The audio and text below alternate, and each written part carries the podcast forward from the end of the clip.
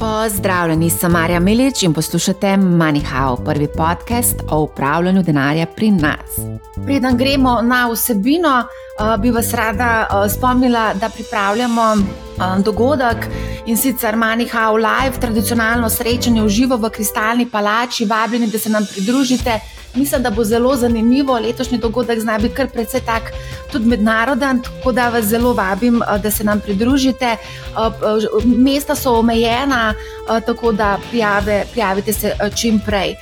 Danes je pred nami najbolj, najbolj razborljiva epizoda leta, davčna epizoda in sicer vodnik podavki za male vlagatelje. Z nami, tako kot vsako leto, tradicionalno Ivan Kranjec in pa Jure Mercina oba dva uh, strokovnjaka za davke. Tako da najlepša hvala, da ste se pridružili. Zdravo. Živijo. Danes bomo pogledali kar precej zelo veliko zanimivih stvari. Bliža se dan, D, ko bo treba oddati uh, napoved. Uh, tako da, kdaj, kaj moramo oddati, kdo mora oddati, kaj mora oddati, kako mora oddati, kaj se zgodi, če zamudimo z oddajo. Uh, preverili smo, oziroma bomo preverili tudi, uh, kako so obdavčene uh, obresti na neinvestirana sredstva preko neobrokerjev in neobank.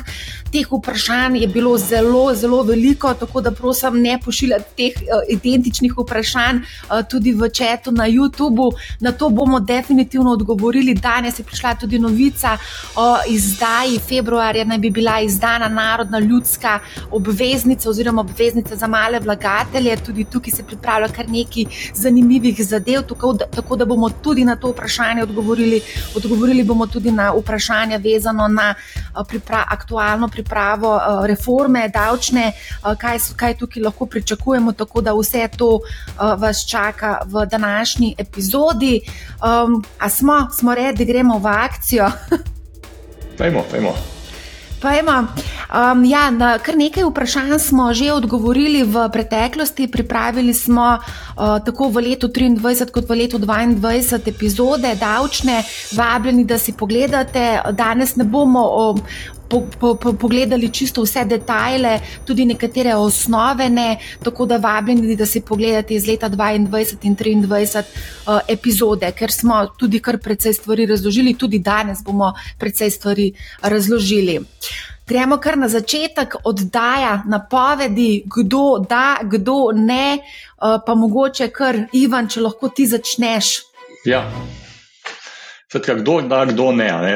Vsi, ki ste naredili kakršne koli kapitalske dobičke, prijeli dividende, prijeli obresti v koledarskem letu 2023, morate praviloma te napovedi dati. Veljata pravzaprav um, samo dve manjši izjemi in sicer tisti, ki ste iz Slovenije dobivali dividende, uh, vam ni treba napovedi dati, zato ker že finančna uprava dobi podatke in tudi ob izplačilu so vam odtegnili že um, davek od dividende, tako da so samo neto dohodek dobili. Um, vsi ostali, sploh tisti, ki ste iz tujine dobivali kakršne koli dohodke, morate davčno poved oddati. Uh, lahko jo oddate preko e-davkov, lahko jo oddate v pisni obliki. Uh, načeloma je pa stvar taka, ne? če za posamezno vrsto dohodka niste imeli več kot 10 transakcij, potem lahko zadevo oddate v pisni obliki. Če ste imeli pa več kot 10 transakcij na leto, takrat morate pa že v elektronski obliki preko e-davkov oddajati. Dokdaj letos je prestopno leto? Kaj piše v zakonu 28. februar? ne vem, ne, zanimivo vprašanje. Nisem sploh pomislil na to. Um, torej, 28 ali 29, lahko rečemo do konca februarja. bom pa prav pogledal. Ne, dejansko meni v zakonu piše prav 28. februar, ne piše do konca februarja ali pa v dveh mesecih po koncu davčnega leta. Ne.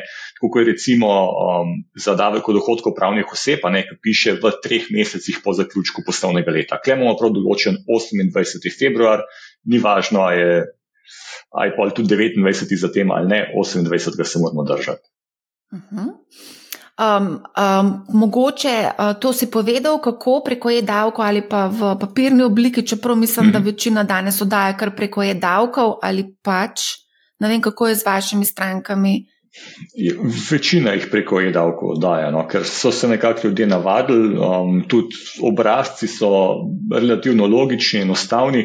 Sploh pa, če si to že delo, recimo lansko leto ali pa predlani, pa veš vsaj približno, kakšen nabor podatkov rabiš, katere obrazce izpolniti.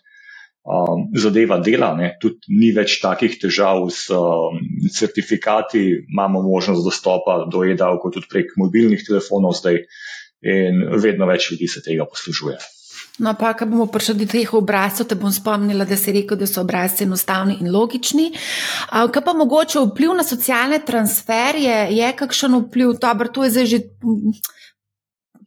No, kar povej. Ja, mislim, to ni povezano s samimi napovedmi. Ja. Pač napovedi moramo oddati, na socialne transferne pa vplivajo dohodki, ki smo jih imeli v določenem letu. In tudi dohodki iz o, kapitala ali pa dobički iz kapitala se nam uštevajo v o, te dohodke, ki se potem presojajo za namene cenzusa za socialne transferje. Uh -huh. o, zdaj, pri tem niti ni to kvaženo, um, ali smo jih napovedali ali ne. Tudi če smo napovedali zamudo um, na podlagi samo prijave, se bo ta dohodek upošteval.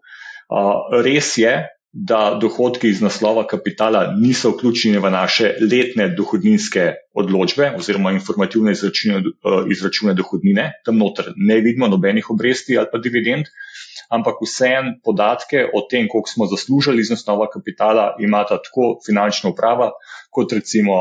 Um, kaj se jim centra za socialno delo, ki presoja naše premožensko stanje, pa potem izdaja odločbe, ali pa recimo tudi um, druge inštitucije, če jim mi dovolimo v pogled. Recimo, če se prijavljamo, kaj jim za um, neprofitna stanovanja, ne podpišemo izjavo, da mestni občini ali pa republiškemu skladu dovoljujemo dostop do teh podatkov in oni potem imajo pogled do vsega. Uh mhm. -huh. Predlagam, da gremo kar naprej, kar se tiče teh navodil in pa tega, če ne znamo oddati napovedi, bomo potem v nadaljevanju malce bolj natančno pogledali. Aha, to je zelo, zelo, zelo pogosto vprašanje in sicer ali moram prijaviti FURS tudi na kupe delnic in ETF-ov. To je tako res zelo pogosto vprašanje. Ja, Klej sta pravzaprav dva odgovora. Ne? Um, nekaj, kar piše v zakonu, pa nekaj, kar FURS zahteva oziroma priporoča. Um, nakup kapitala sam po sebi ni oblačljiva transakcija. In praviloma je na FURS niti ni treba sporočati, uh, niti si FURS s tem podatkom zaenkrat ne more še nič pomagati, ker iz tega naslova ne bo nobenega davka.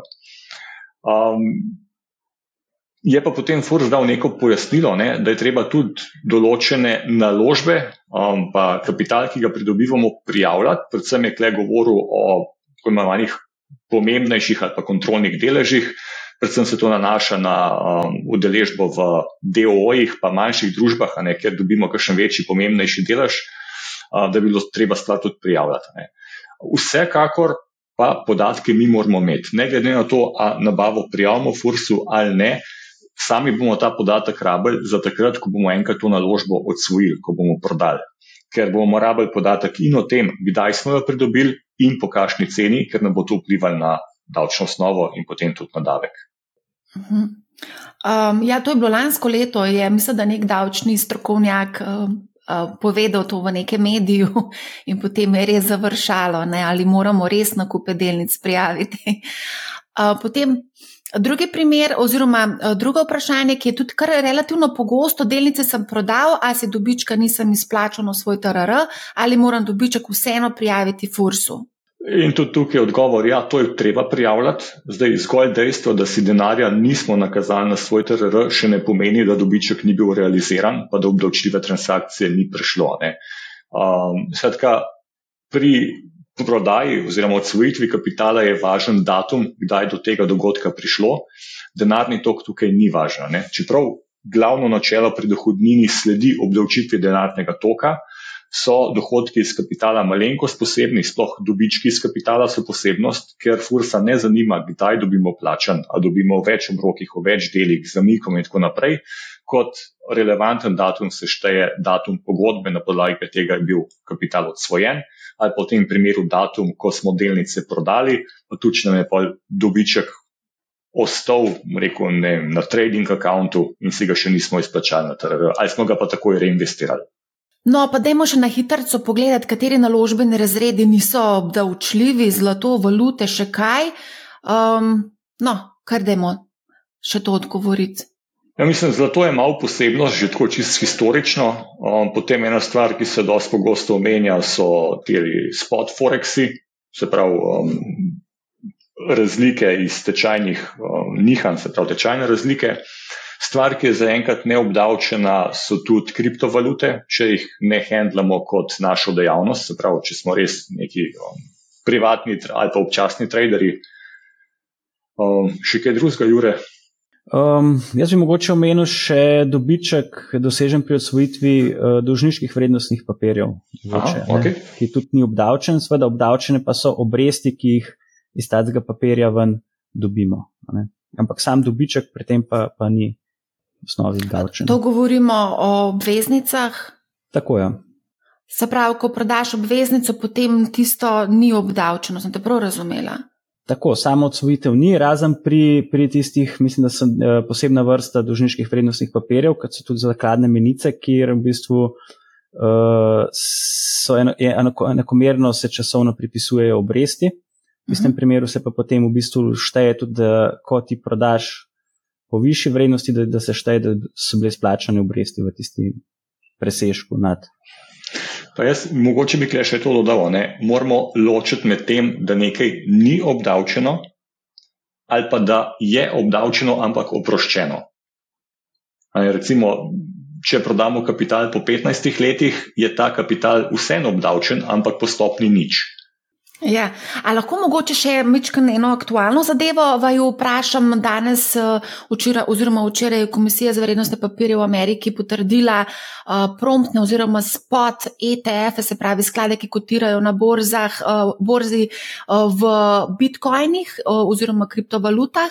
Uh, kaj pa v tem primeru, ali recimo, če bo slovenski vlagatelj lahko investiral v te uh, promptne sklade ali bo, kako bo to potem obdavčeno, če lahko malo pošpekuliramo?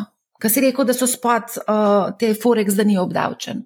Uh, Forex načeloma res ne, ampak glede na to, da gre tukaj za ETF kot tak, za moje pojme ni važno, kaj je underlying value tega ETF-a. So to nepremičnine ali so delnice v družbah um, ali so kriptovalute ali bilo karkoli drugega. Jaz predvidevam, oziroma predstavljal bi si, da bo ta ETF obdavčen popolnoma enako kot ostali ETF-i. Se pravi, če prodaš z dobičkom, bo obdavčen kapitalski dobiček. Um, če dobivaš kakršen koli donos iz tega, ali pa če se ti pripisuje vrednost, večja točka, akumulira vrednost, kakorkoli, se bo to takrat obdavčilo kot neka dividenda. Uh mhm. -huh. ja, ja, jaz, tu... jaz bi se tudi kar uh, strinjal s tem. Kot primer bi mogoče lahko tudi povedal glih zlato, ki si ga prej omenil. Uh, pri zlatu je tudi tako, ne? če nekdo kupuje fizično zlato, pa ga prodaje tak dobiček neobdavčen, če pa imaš ti ETF, ki je vezan na ceno zlata, v bistvu pa tak ETF odsvojiš z dobičkom, bo pa ta dobiček predmet obdavčitve, kot vrednostni papir. Hm, Marsikdo bi se na tej točki vprašal, zakaj bi kupoval v bistvu preko ETF-ov Bitcoin ali pa zlato, če moš potem davek plačati, ampak dobro, to je potem ena druga. Ja.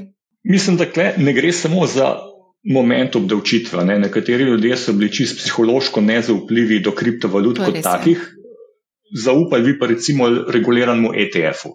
In mogoče bo to zdaj za njih rešitev, ne? ker pač poznajo ta um, sistem finančnih trgov, bojo raj kupili ETF vezan na kriptovaluto, kot je kriptovaluto direktno.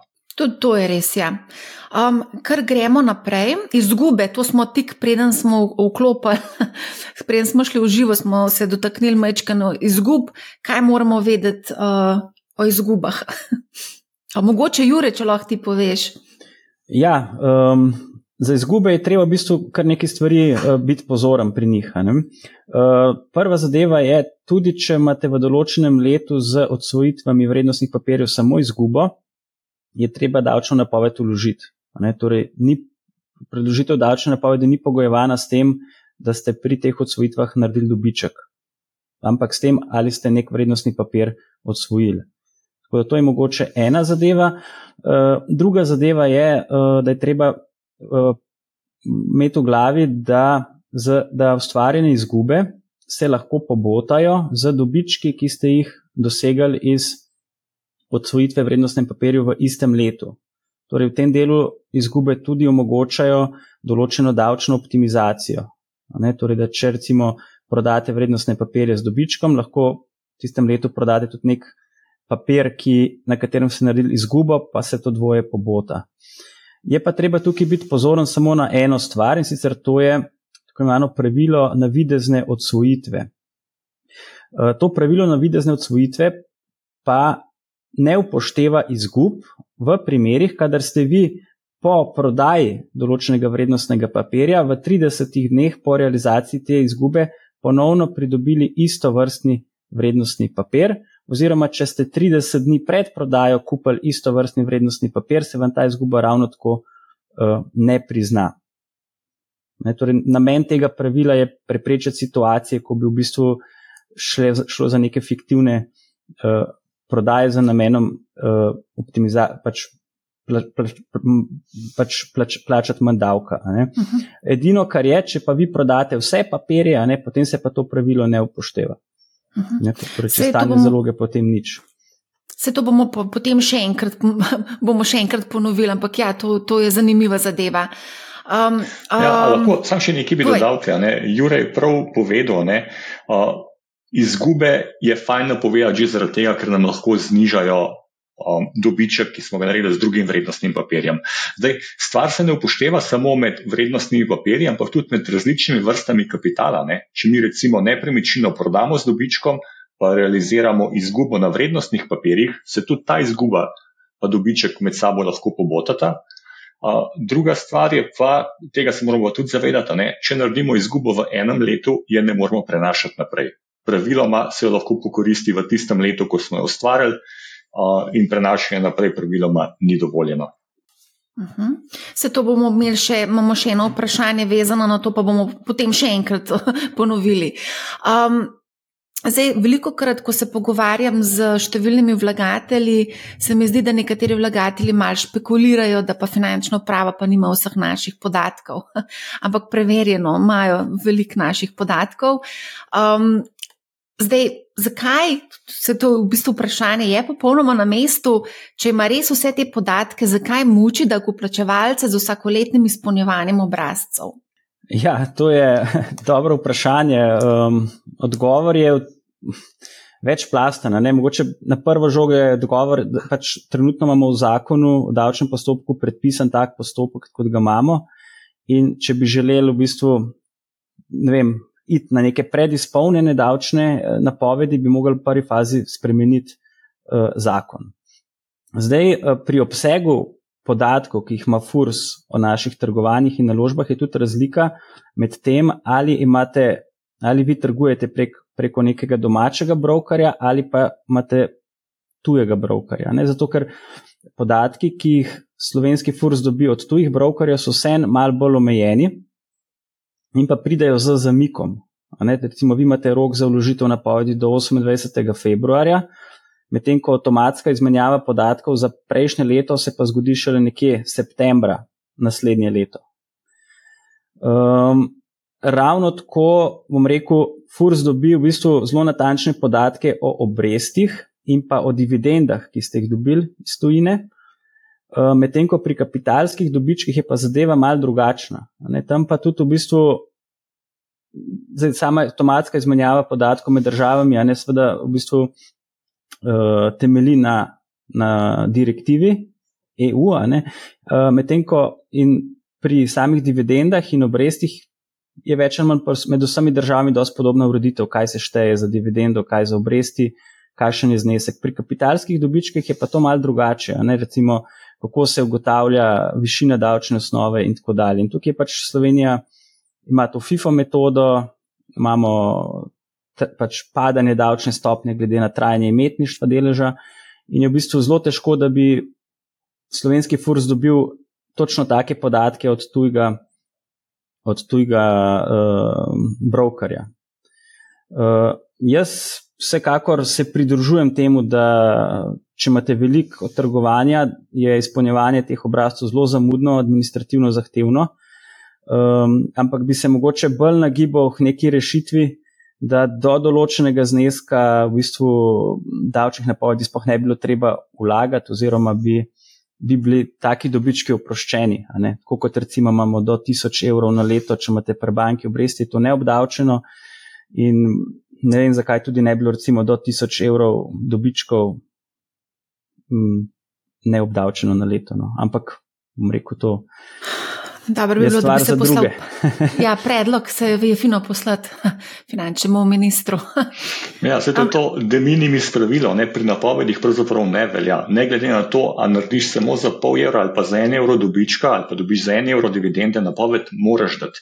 Kaj se potem s tem zgodi na fursu, je druga stvar. Ne? Tudi v zakonu o davčnem postopku piše, da če se ugotovi, da bi bila vrednost odmerjenega davka manjša od 10 evrov, potem vas furs pač obvesti, da ne bo izdal odločbe, ker cost-benefit ne gre skozi, ne, se ne splača. Napoved morate pa vsem dati, tudi za nizke zneske. Tole mi je bilo zanimivo, da se ta avtomatska izmenjava zgodi septembra. Mi oddajamo v bistvu do konca februarja, FURS pa dobi podatke potem od tujih brokerjev septembra. A sem jaz prav razumela to, Jure? Ja, drži.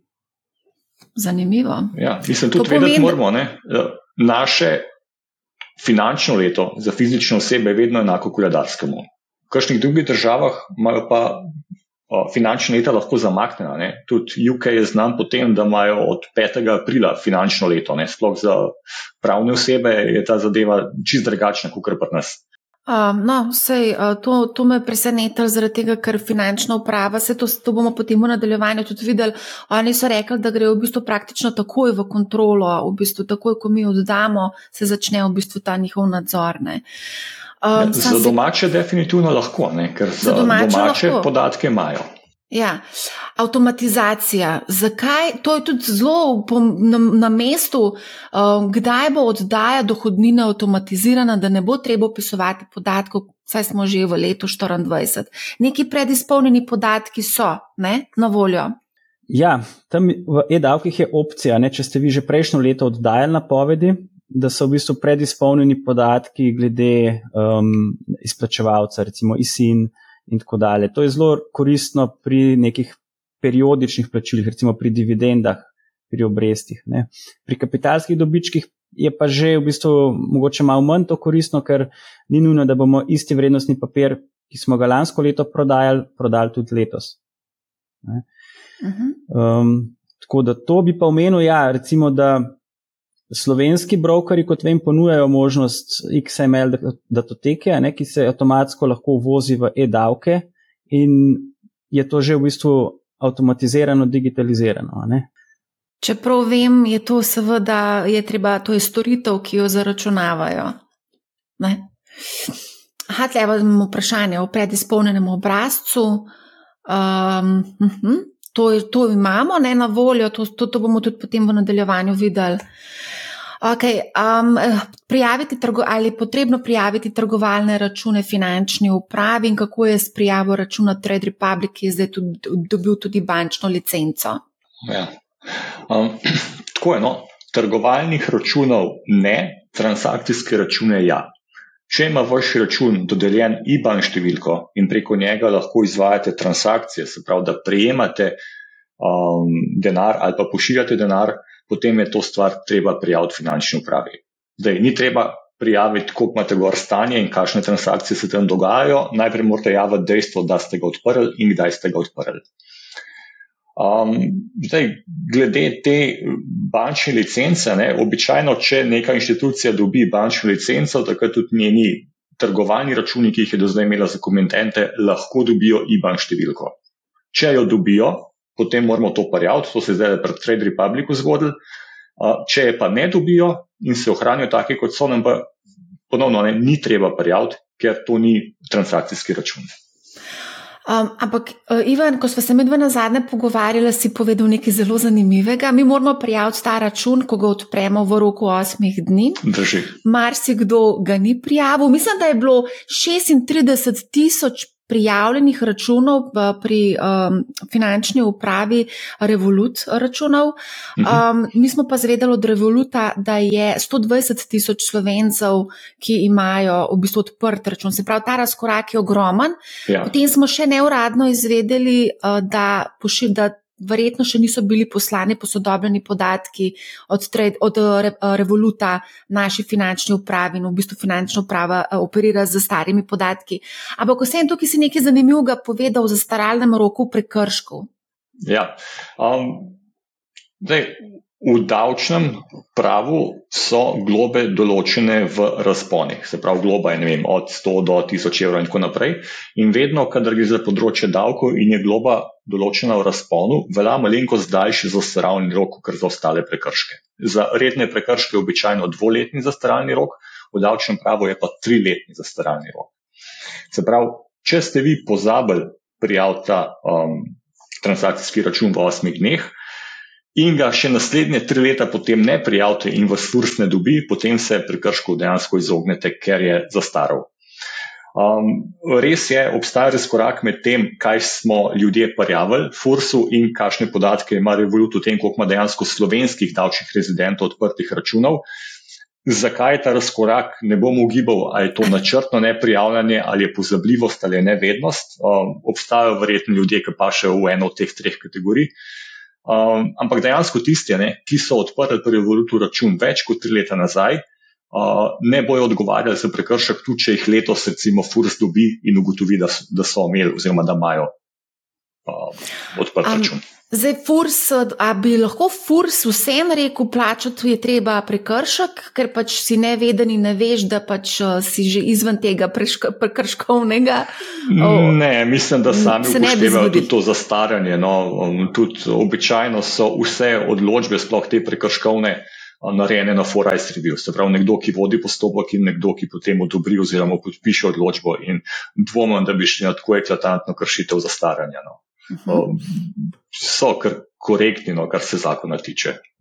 Pa, okay. Ali je to škoda ali ne?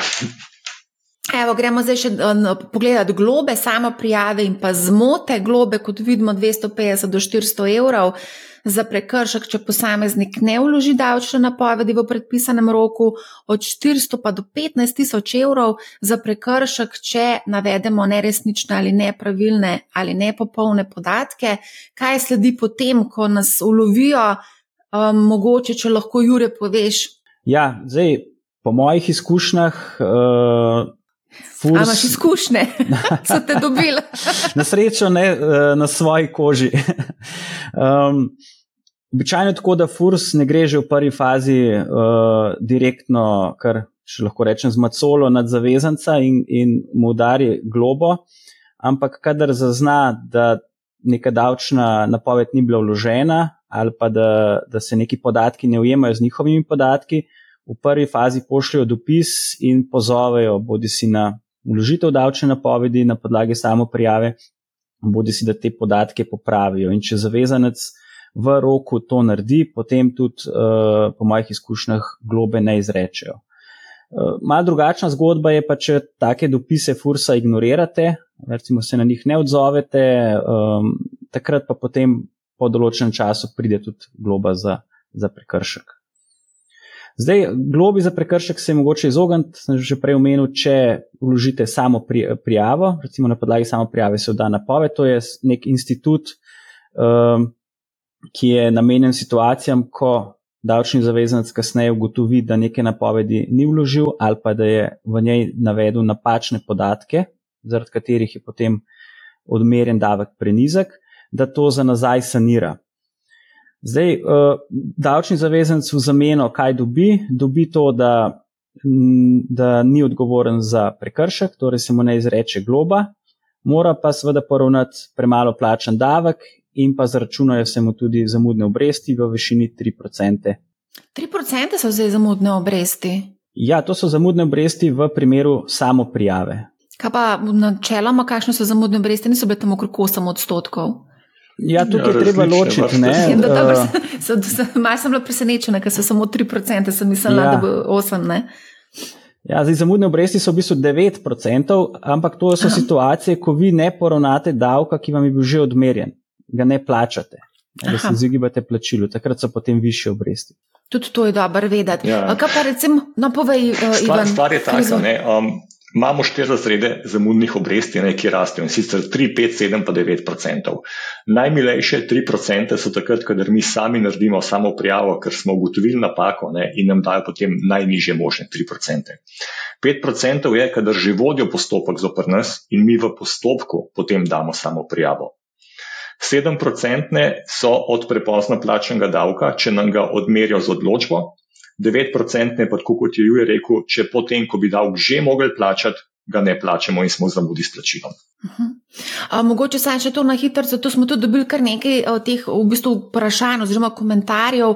Veliko vlagateljev malih eh, bo zdaj letos prvič oddajalo napoved eh, za odmero davka in pač strah jih je, da bodo naredili kakšno, kakšno napako, da se bodo kaj zmotili.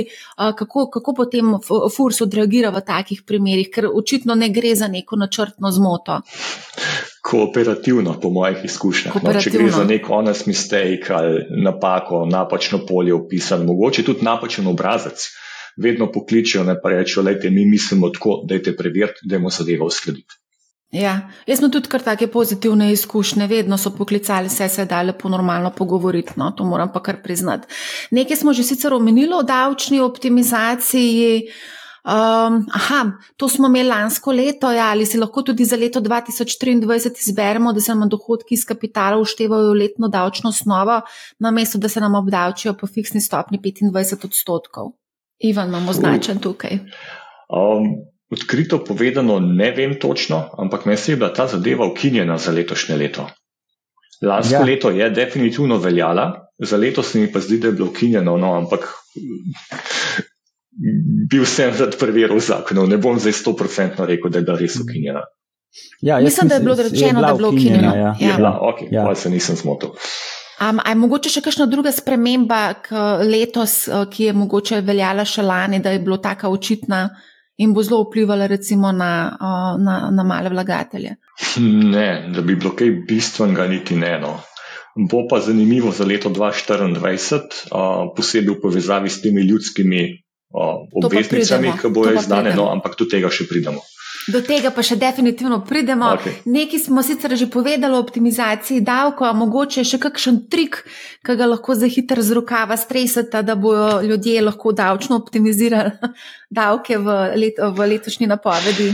Mislim, da tukaj ni kaj veliko za optimizirati. Ne? Pri obrestih pa dividendah jih prejmo, kot jih prejmo. To ni od nas odvisno. Tem, ker imamo mogoče malo proste roke pri kapitalskih dobičkih, ko lahko vplivamo na to, kdaj bomo neko naložbo prodali. Ne? Recimo, če imamo v portfelju neko zgobaško naložbo, ki nam ne sede več, pa bi se radi znebili. Se je mogoče koristen znebiti v tistem letu, ko bomo hkrati ustvarjali tudi nek dobiček z neko drugo naložbo v tem delu lahko pač vplivamo na našo davčno obveznost. Kaj več pa za moje pojme niti ne. Jure, imaš ti še kakšno idejo? Ja, mogoče bi jaz samo pri dividendah omenil ta problem z dvojno obdavčitvijo. Ne? Da pač Slovenija kot odbitek tujega davka prizna tuj davek samo do tiste stopnje, ki je dogovorjena v konvenciji o izogibanju dvojnega obdavčevanja med Slovenijo in pa državo, v kateri je ta izplačevalec dividend rezident. In če je po domači zakonodaji te tuje države davčni odtegljaj višji kot davčni odtegljaj po tej stopni, bo en del tega odtegljaja nepriznan mi ga vi teoretično lahko zahtevali nazaj v državi rezidentstva. Ne? Ampak v veliki večini primerov tega ne boste počeli, zato ker so ti postopki vsem relativno zakomplicirani, včasih bi rabili tudi pomoč davčnega svetovalca v tisti državi. Uh, in v bistvu to potem predstavlja nek, nek likič, a ne tekst likič. Uh, Eh, tako da mogoče je dobro, ko se odločate za nakup nekih, bom rekel, bolj dividendnih delnic, ne, eh, razmisliti tudi o kakšnih skladih, ki, ki, uh, ki splačujejo dividende, ker običajno skladi, ki, ki, so, ki imajo tako politiko izplačevanja dividend, so vedno ustanovljeni v neki jurisdikciji, ker davčnega otegaja v tej državi sploh ni. Ne, tako da se potem takim situacijam lahko, lahko izogne. Tako da to Aha, ni. Zaradi tega. Aha, to je zelo zanimivo, ker v bistvu to lahko kar precej spremeni uh, mindset ma, vlaga, vlaganja malih vlagateljev, glede na to, da smo nekako govorili o akumuliri, akumuliranih ETF-ih, ne se pravi ETF-ih, ki reinvestirajo dividende in ne izplačujejo. Zdaj pa praviš, da bi bilo mogoče tudi z vidika uh, davčne optimizacije lahko smiselno mogoče investicija. Ja, v... se, ne, mislim bi rekel, še vedno tak, dokler je nekdo davčni rezident Slovenije, bo še vedno tukaj od teh dividend plačal 25-procentni davek. Ne? Ampak če je zraven pa še izgube v, na tujem davčnem utegljaju, recimo lahko še 5%, bo pa potem končna stopnja že 30%. In temu se lahko izogne, tako da se mogoče pogleda. Uh, kateri državi je izplačevalec in kakšen je tam davčni odtegaj. A mogoče veš za kakšno državo, ker ima to davčno bolj optimizirano? ja, mislim, da Irska, Luksemburg, Irska. Te, te jurisdikcije. Um, Um, preden smo se vklopili v živo, uh, smo se dotaknili tega davčnega rezidentstva, zaradi tega, ker zadnje čase se zelo veliko pogovarjam z malimi vlagatelji in so mali jezni zaradi te uh, davkov in pa te napovedi um, um, obdavčitve premoženja. In mar se kdo fantazira, da bi mogoče celo zamenjal rezidentstvo oziroma davčno rezidentstvo na, na sosednji Hrvaški, si že oproščen plačila davka po dveh letih. Um, kako v bistvu poteka to, um, če bi želeli zamenjati davčno rezidentstvo? Ja, zdaj sama menjava davčnega rezidentstva ni toliko enostavna. No? Oziroma, bom rekel, je odvisna predvsem od osebnih okoliščin vsakega posameznika. Um, če ste vi še mladi, recimo, nimate družine, nimate še nekega lastniških nepremičnin in tako dalje, ne, se je veliko lažje preseliti v neko drugo jurisdikcijo in si tam ustvariti središče življenjskih interesov, ki je na koncu izkaže v veliki večini primerov tisto odločilni kriterij za presojo, kje ste vi davčni rezident, da se to predstavi v neko drugo državo. Zdaj, če imate vi recimo že uh, družino, otroke in tako dalje, pomeni, da mora ta družina se tudi z vami, skupaj z vami preseliti v drugo državo in preseliti s tem tudi središče v bistvu osebnih in pa ekonomskih interesov. Ne, to pa tudi pomeni, v bistvu, da je treba otroke tam dati v lokalno šolo, uh, vrtec in tako dalje. No. Ker imeli smo že nekaj primerov, kjer so, kjer so se ljudje odločali o, o to vrstnih uh, ukrepih, uh, predvsem v luči morebitnih prodaj podjetij, ampak na koncu je izkazalo, da v bistvu ravno to predstavlja preveliko oviro za, za, za, za, za to, da bi dosegli želeni cilj, torej da bi postali davčni rezidenti, recimo Hrvaške, pa v Sloveniji davčni nerezidenti. Ne? Ker morate pa vedeti, da Slovenija uh, težko spusti osebo iz svojega, v bistvu, svojih, svoj, svoje davčne jurisdikcije, zato ker s tem tudi se zaveda, da izgubi en del davčnih prihodkov v, v bodoče. Dobro bi bilo pogledati enkrat ta registr davčnih zavezancev, kakšna je fluktuacija. ne vem, ste kdaj gledali to? Za, za fizične osebe tega podatka ne boste dobili. Mogoče dobite podatek o številu zavezancev, tam je letno poročilo o izdanih dohodninskih odločbah, ampak tudi mhm. to ni vse, ne? to so samo informativni izračuni dohodnine. Mogoče, če se vrnem nazaj na rezidentstvo, je še ena stvar, ki je tudi dosti pomembna, ne? da se zna zgoditi, da boste v mestnem času za določen čas dejansko dvojni davčni rezident. Ker ni tako neobičajno, da ti pogoje za rezidentstvo izpolniš v dveh državah hkrati.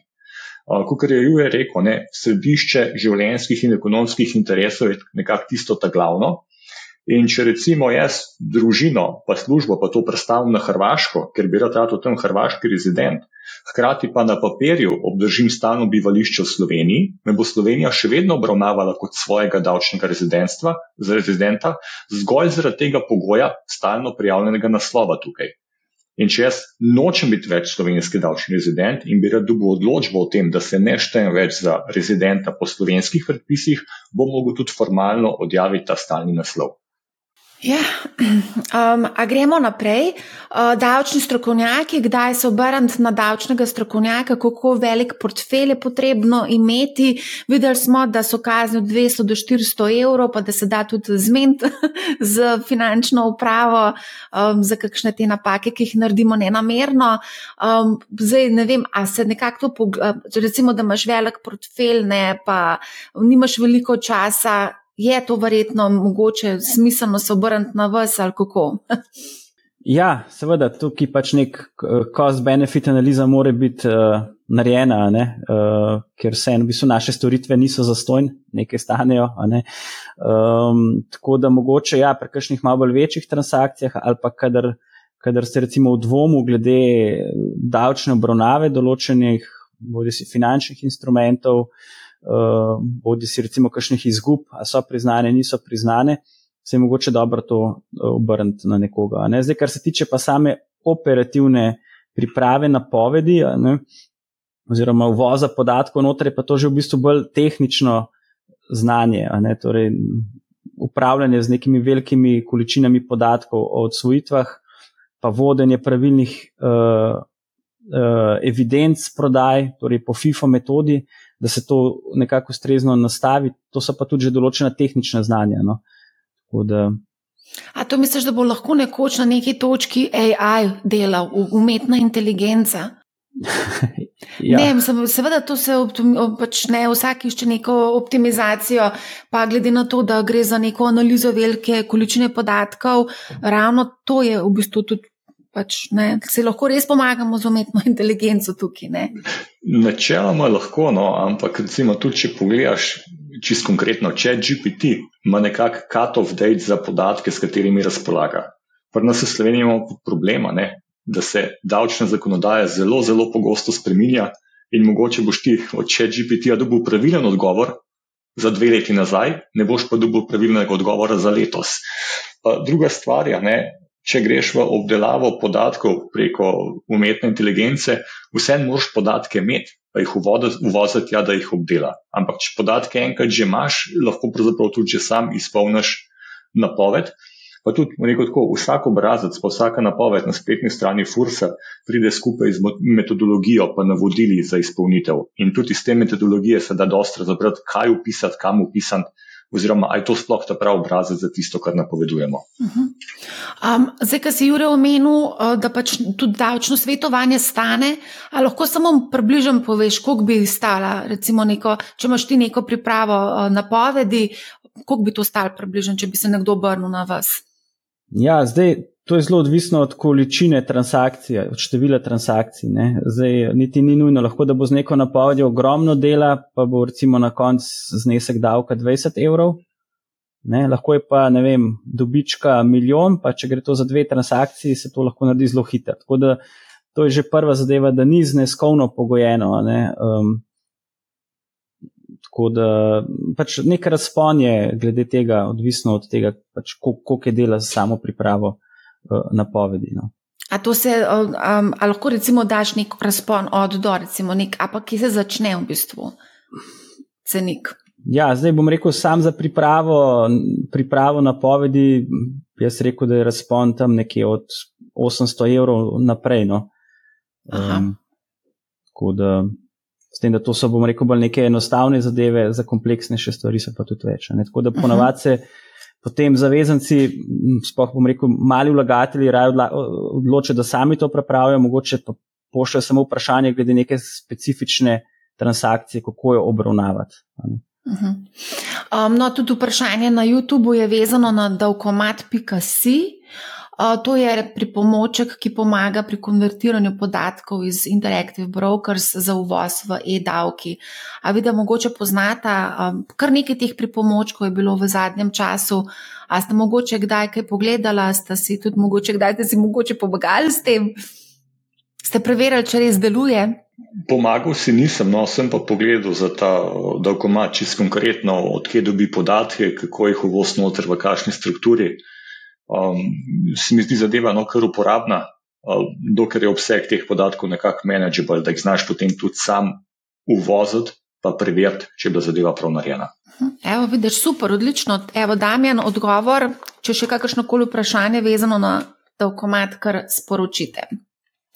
Davčne stopnje, to smo sicer že nekaj omenili, um, a bi lahko mogoče samo na hitro uh, šli čez, uh, Ivan, um, na hitro. Ja, lahko. Prva stvar, ki jo moramo klej omeniti, je, da moramo ločiti med dohodkom iz kapitala in dobičkom iz kapitala. O dohodku iz kapitala govorimo pri obrestih in dividendah. Se pravi, takrat, kadar se naša naložba ohranja in nosi dodatne donose. O dobičku iz kapitala govorimo pa takrat, ker se naša naložba zmanjša ker jo prodamo ali pa del naložbe prodamo. Zdaj, pri dobičku iz kapitala velja ta leta delca, ki imaš kaj na zaslonu, kjer je davčna stopnja pogojena z dobo lastništva. Se pravi, v prvih pet letih plačamo 25%, pa se potem znižuje na 20-15 in nič po 15 letih. Zdaj, to je stopnja, ki se aplicira na ugotovljeni dobiček, ki ga dobimo.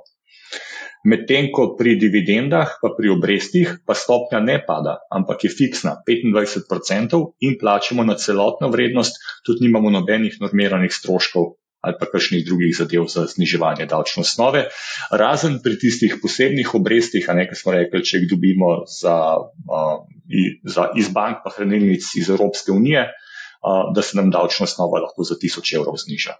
Po 15 letih? Po 15 držanje. letih imamo stopno nič. Um, zdaj pa kleje pač spet en zanimiv diskurs, ali moš po 15 letih vse uložiti davčno napoved ali ne. In uh, Furs tudi pravi, ni treba vložiti davčne napovedi. In jaz mislim, da ni čistko. No. Jaz nekako rekel, da bi še vedno mogel vložiti, pa prijaviti uprostitev. In čist konkretno, ne, tudi zdaj za um, tole dodatno ulajšavo, mislim, ne dodatno ulajšavo, ta ulajšava 1000 evrov za obresti uh, iz bank in hranilnic, pa ki bo veljala tudi za te ljudske obveznice, je bil zakon o davčnem postopku konc lanskega leta, se pravi decembra 2023, prav spremenjen, da zdaj izredno piše, ni treba vlagati napovedi.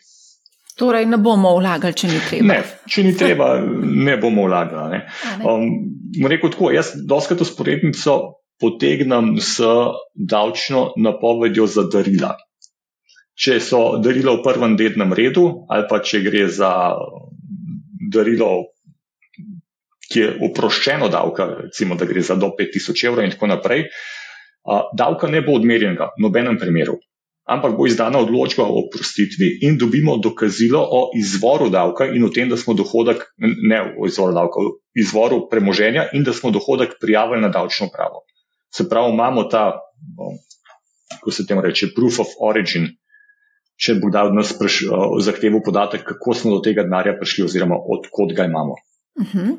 um, a gremo zdaj na to vročo tematiko obdavčitev bančnih obresti, kako so obdavčene obresti na depozite, pa na denar, ki leži na računu. Jure, če lahko mogoče poveš. Ja, tukaj smo se nekajkrat že omenili, uh, obresti do višine 1000 evrov so neobdavčene, če gre za obresti od depozitov pri hranilnicah v Sloveniji in pa znotraj Evropske unije. Um, ravno tako so neobdavčene obresti, um, ki, jih na, ki jih imate na transakcijskem računu od pozitivnega stanja. Uh mhm. -huh vendar največ do višine obresti, ki jih pač ta ponudnik plačilnih storitev ponuja za sredstva na, na upogled. Zdaj, glede na to, da so ključno obrestne mere šle gor, tudi depozitne obrestne mere, dobro, de, depozitne obrestne mere še zmerni so tako visoke pri slovenskih bankah, tako da do tistih tisoč evrov bomo kar rabali zelo velik denarja, meto vezanga na slovenskih bankah, kaj ne. Se pravi, to se ne oddaja na poved, če se ne preseže 1000 evrov ne? iz obresti na leto. Tako je. Okay. Ja, ampak spet, ne, teh 1000 evrov obresti, to velja za depozite, za vezana sredstva. Medtem uh -huh. ko mhm. za avista obresti, recimo, če imeli mi 10 milijonov na računu in da bi od avista obresti dobil 5 ali pa 6000 evrov, nam tega tudi ne bi bilo treba napovedati, ker se od tega tudi ne plačuje davka. No, to bo zelo zanimivo, ko bomo prišli do neobrokarjev. Ampak preden pridemo do neobrokarjev, dajmo še razložiti, kako je z dobički iz denarnih skladov v slovenskih, da dajmo ločiti slovenskih in pa pač ETF-ih, eh, se pravi, ki kotirajo na borzi skladi. Kako je v ja. tem primeru? Zdaj, moje razumevanje tega je, da gre še vedno v bistvu za neke investicijske sklade in da si ti imetnik investicijskega kupona oziroma točke sklada ali pa enote ETF-a, kar pomeni, da se taki dobički obdavčijo kot uh, kapitalski dobički. Ivan? Jaz se s tem čisto strinjam. No? Vse. Mislim, Okay. da tukaj ni nobenih posebnosti. Še vedno se stvar lahko kot kapitalski dobiček ali pa kot dividenda v skrajni sili obravnava. No, in zdaj smo pri revolutu. Najprej smo pojasnili um, obdavčitev obresti, bančnih obresti, potem seveda tudi zato, da bomo razumeli, kako so obdavčeni um, dobički iz uh, denarnih skladov, ker pri revolutu ponujajo trenutno 3,11 odstotne obrestne mere preko vrčevalnega računa. Ta vrčevalni račun moraš ti v bistvu skleniti, se moraš tudi strinjati s pogoji poslovanja in seveda na spletni strani oziroma na, v aplikaciji Revoluta piše, da je upravljalec teh prihrankov Fidelity Institutional Fund preko Money Market Funda, se pravi preko denarnega sklada. A, Ta denarni sklad je sestavljen 58% pač ima investicije v bančnih, bač, bančnem depozitu in denarju, ter 42 odstotkov ima pač investirano v naložbah s fiksnim donosom. To je tako dost klasična struktura a, money market funda. Celo ta sklad, uh, kjer, investira, kjer investiramo preko revoluta v, v ta den- denarni sklad, ima svoj ISIN. Um, Dobimo tudi lahko kit, uh, info, se pravi vse informacije vezano na ta sklad, to je ta ključni dokument z ključnimi informacijami. Torej, vprašanje zdaj tukaj je, kako so obdavčene obresti, ki jih prejemamo na revolutu, se pravi, ko sklenemo vrčevalni račun. Mogoče, uh, Ivan, povej.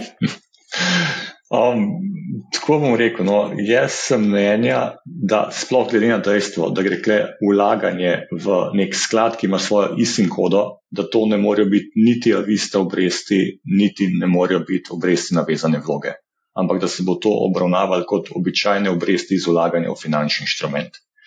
In jaz bi si kle upal trditi, no, da bodo te obresti obdavčene s 25% stopnjo in da tiste olajšave 1000 evrov ne bomo mogli uveljavljati za njih. Jure, se strinjaš? Ja, zdaj tukaj gre za nek strukturiran uh, produkt. a ne. Um, po eni strani tudi v bistvu pri banki, ko vi sklenete recimo depozit, seveda mi ne vemo, kaj banka s tem denarjem potem naprej dela, ali ga, na, ali ga nalaga naprej v nek investicijski sklad, ali da ne vem, hipotekarno posilo nekomu, ampak vi se z banko dogovorite, da vam bo banka izplačala ven obresti. Ne, tako da tukaj mogoče bi lahko zagovarjali tudi v, na ta način, da bi rekli, pač to so obresti, ne glede na donos tega sklada, ker ta sklad lahko bo dosegel, predstavljam si, ne vem, 5% donosnost, pa bo razliko obdržal revolut, ali bo imel pa ne vem, 2% donosnost, pa bo pač revolut iz svojega žepa mogel da, to razliko do 3%, ki se je z vami dogovoril, izplačati. Ne? Uh, tako da, če bi mogoče v tej smeri razlagali, bi se tudi mogoče da reči, da so to obresti, seveda zdaj pa je vprašanje, ali so to obresti, ki so oproščene. Torej, ali je zdaj to pač nek vezan depozit, pa tudi pogled moramo, kakšen je status revoluta, ali je to banka oziroma hranilnica, jaz razumem, da je. Um, oziroma, če gre za avista sredstva, ki jih lahko kadarkoli potegnete, tam pa je seveda pogoj, da morajo vsi imeti pod enakimi pogoji to obrestno mero zagotovljeno.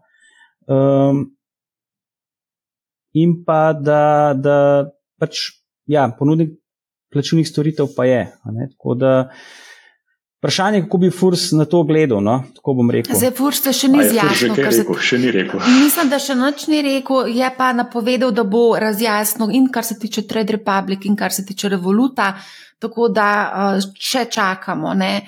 Ampak ja, tukaj tudi mnenja različnih davčnih svetovalcev so pač popolnoma različna. Uh, tako da je v bistvu na nek način nastala tudi malo zmeda, zdaj, kar se tega tiče. No. Se pravi, vsi se Um. strinjamo samo v tem, da gre za obresti. za kakšne obresti so pa različne mnenja. Ja, mislim, jaz tudi razumem to logiko, ne, ko je Jure rekel. Če ti dobiš 3,1% donos in te ne briga, kam je ta denar naložen in ga banka sama nalaga, potem bi to lahko obravnavali kot depozit. oziroma če ni vezan celo kot avista. Ja, um, ne vem pa, kakšna so pravila. Ne, notr kakšen kaveat, da če bo pa donosnost pod 3,11%, ti bo dal pa manj. Ker to bi bil pa lahko že zelo močen indikator, da gre dejansko za vlaganje, direktno vlaganje v sklad.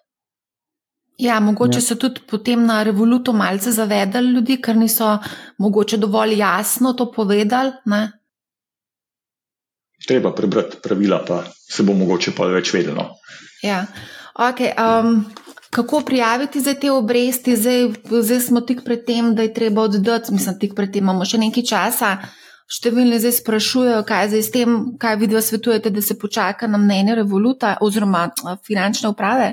Ja, mislim, do konca februarja je še vedno čas, da FURS poda pojasnilo. No, tudi nekako bi bilo fair, da bi ga podali, da bi potem ljudje lahko dali ta prave prijave. Če ga pa ne bojo dali, pa le, probej, prijavi kot oproščene, pa pa že furs reko ja ali ne. Ja.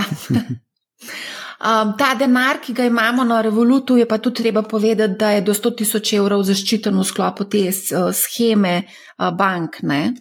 Ja, se to pa dobiš tudi obvestilo. No? Vsaj zadnje čase so banke redno pošiljale, da so vključene v to schemo, pa da so sredstva do 100 tisoč na posameznega uh, komitenta zagarantirana. Okay. No, zdaj smo pa pri Trade Republic, eh, kako so obdavčeni obresti na neinvestirana sredstva. Zdaj Trade Republic je prijel polno bančno licenco 5. decembra. To zdaj pomeni, da lahko ponudijo popolnoma vse, kar banke ponujajo, vključno s posojili. Eh, zdaj v nekaterih državah so že ponudili posojila, v Sloveniji še niso, kdaj bojo, ne vemo. Um, se pravi, trenutno ponujajo 4 odstotke na letni ravni za neinvestirana sredstva. To so tudi tiste investicije, ki smo jih v bistvu nekako um, rezervirali, da se bodo sprovedeli, ko pač se bodo. No? Tudi ta denar se v bistvu obrestuje s 4 odstotki, obračunavajo se obresti mesečno. Uh, potem pomemben podatek je tudi, da sodelujejo s partnerskimi bankami. Eh, kar se tiče izplačila oziroma investiranja teh um, obresti. Uh, Solaris, JP Morgan City, Bank Europe in Deutsche Bank. Um, danes sem preverila pri Osvaldu Salharju, ki je regionalni vodja uh, tudi za Slovenijo pri Trade Republic, ker me je zanimalo, kako dejansko uh, je ta denar naš investiran, kje, kam, kam ga položijo, kam ga dajo. Ne? In je povedal, da je v bistvu ta denar um, da v bistvu partnerji banke depozite od Trade Republic uh, oziroma strank um, položijo na e, pri ECB-ju, dobijo 4% obrestne mere in potem oni to v bistvu prenesejo naprej svojim strankam. Gremo na vprašanja. Vprašanje je, kako so zdaj obdavčene te obresti.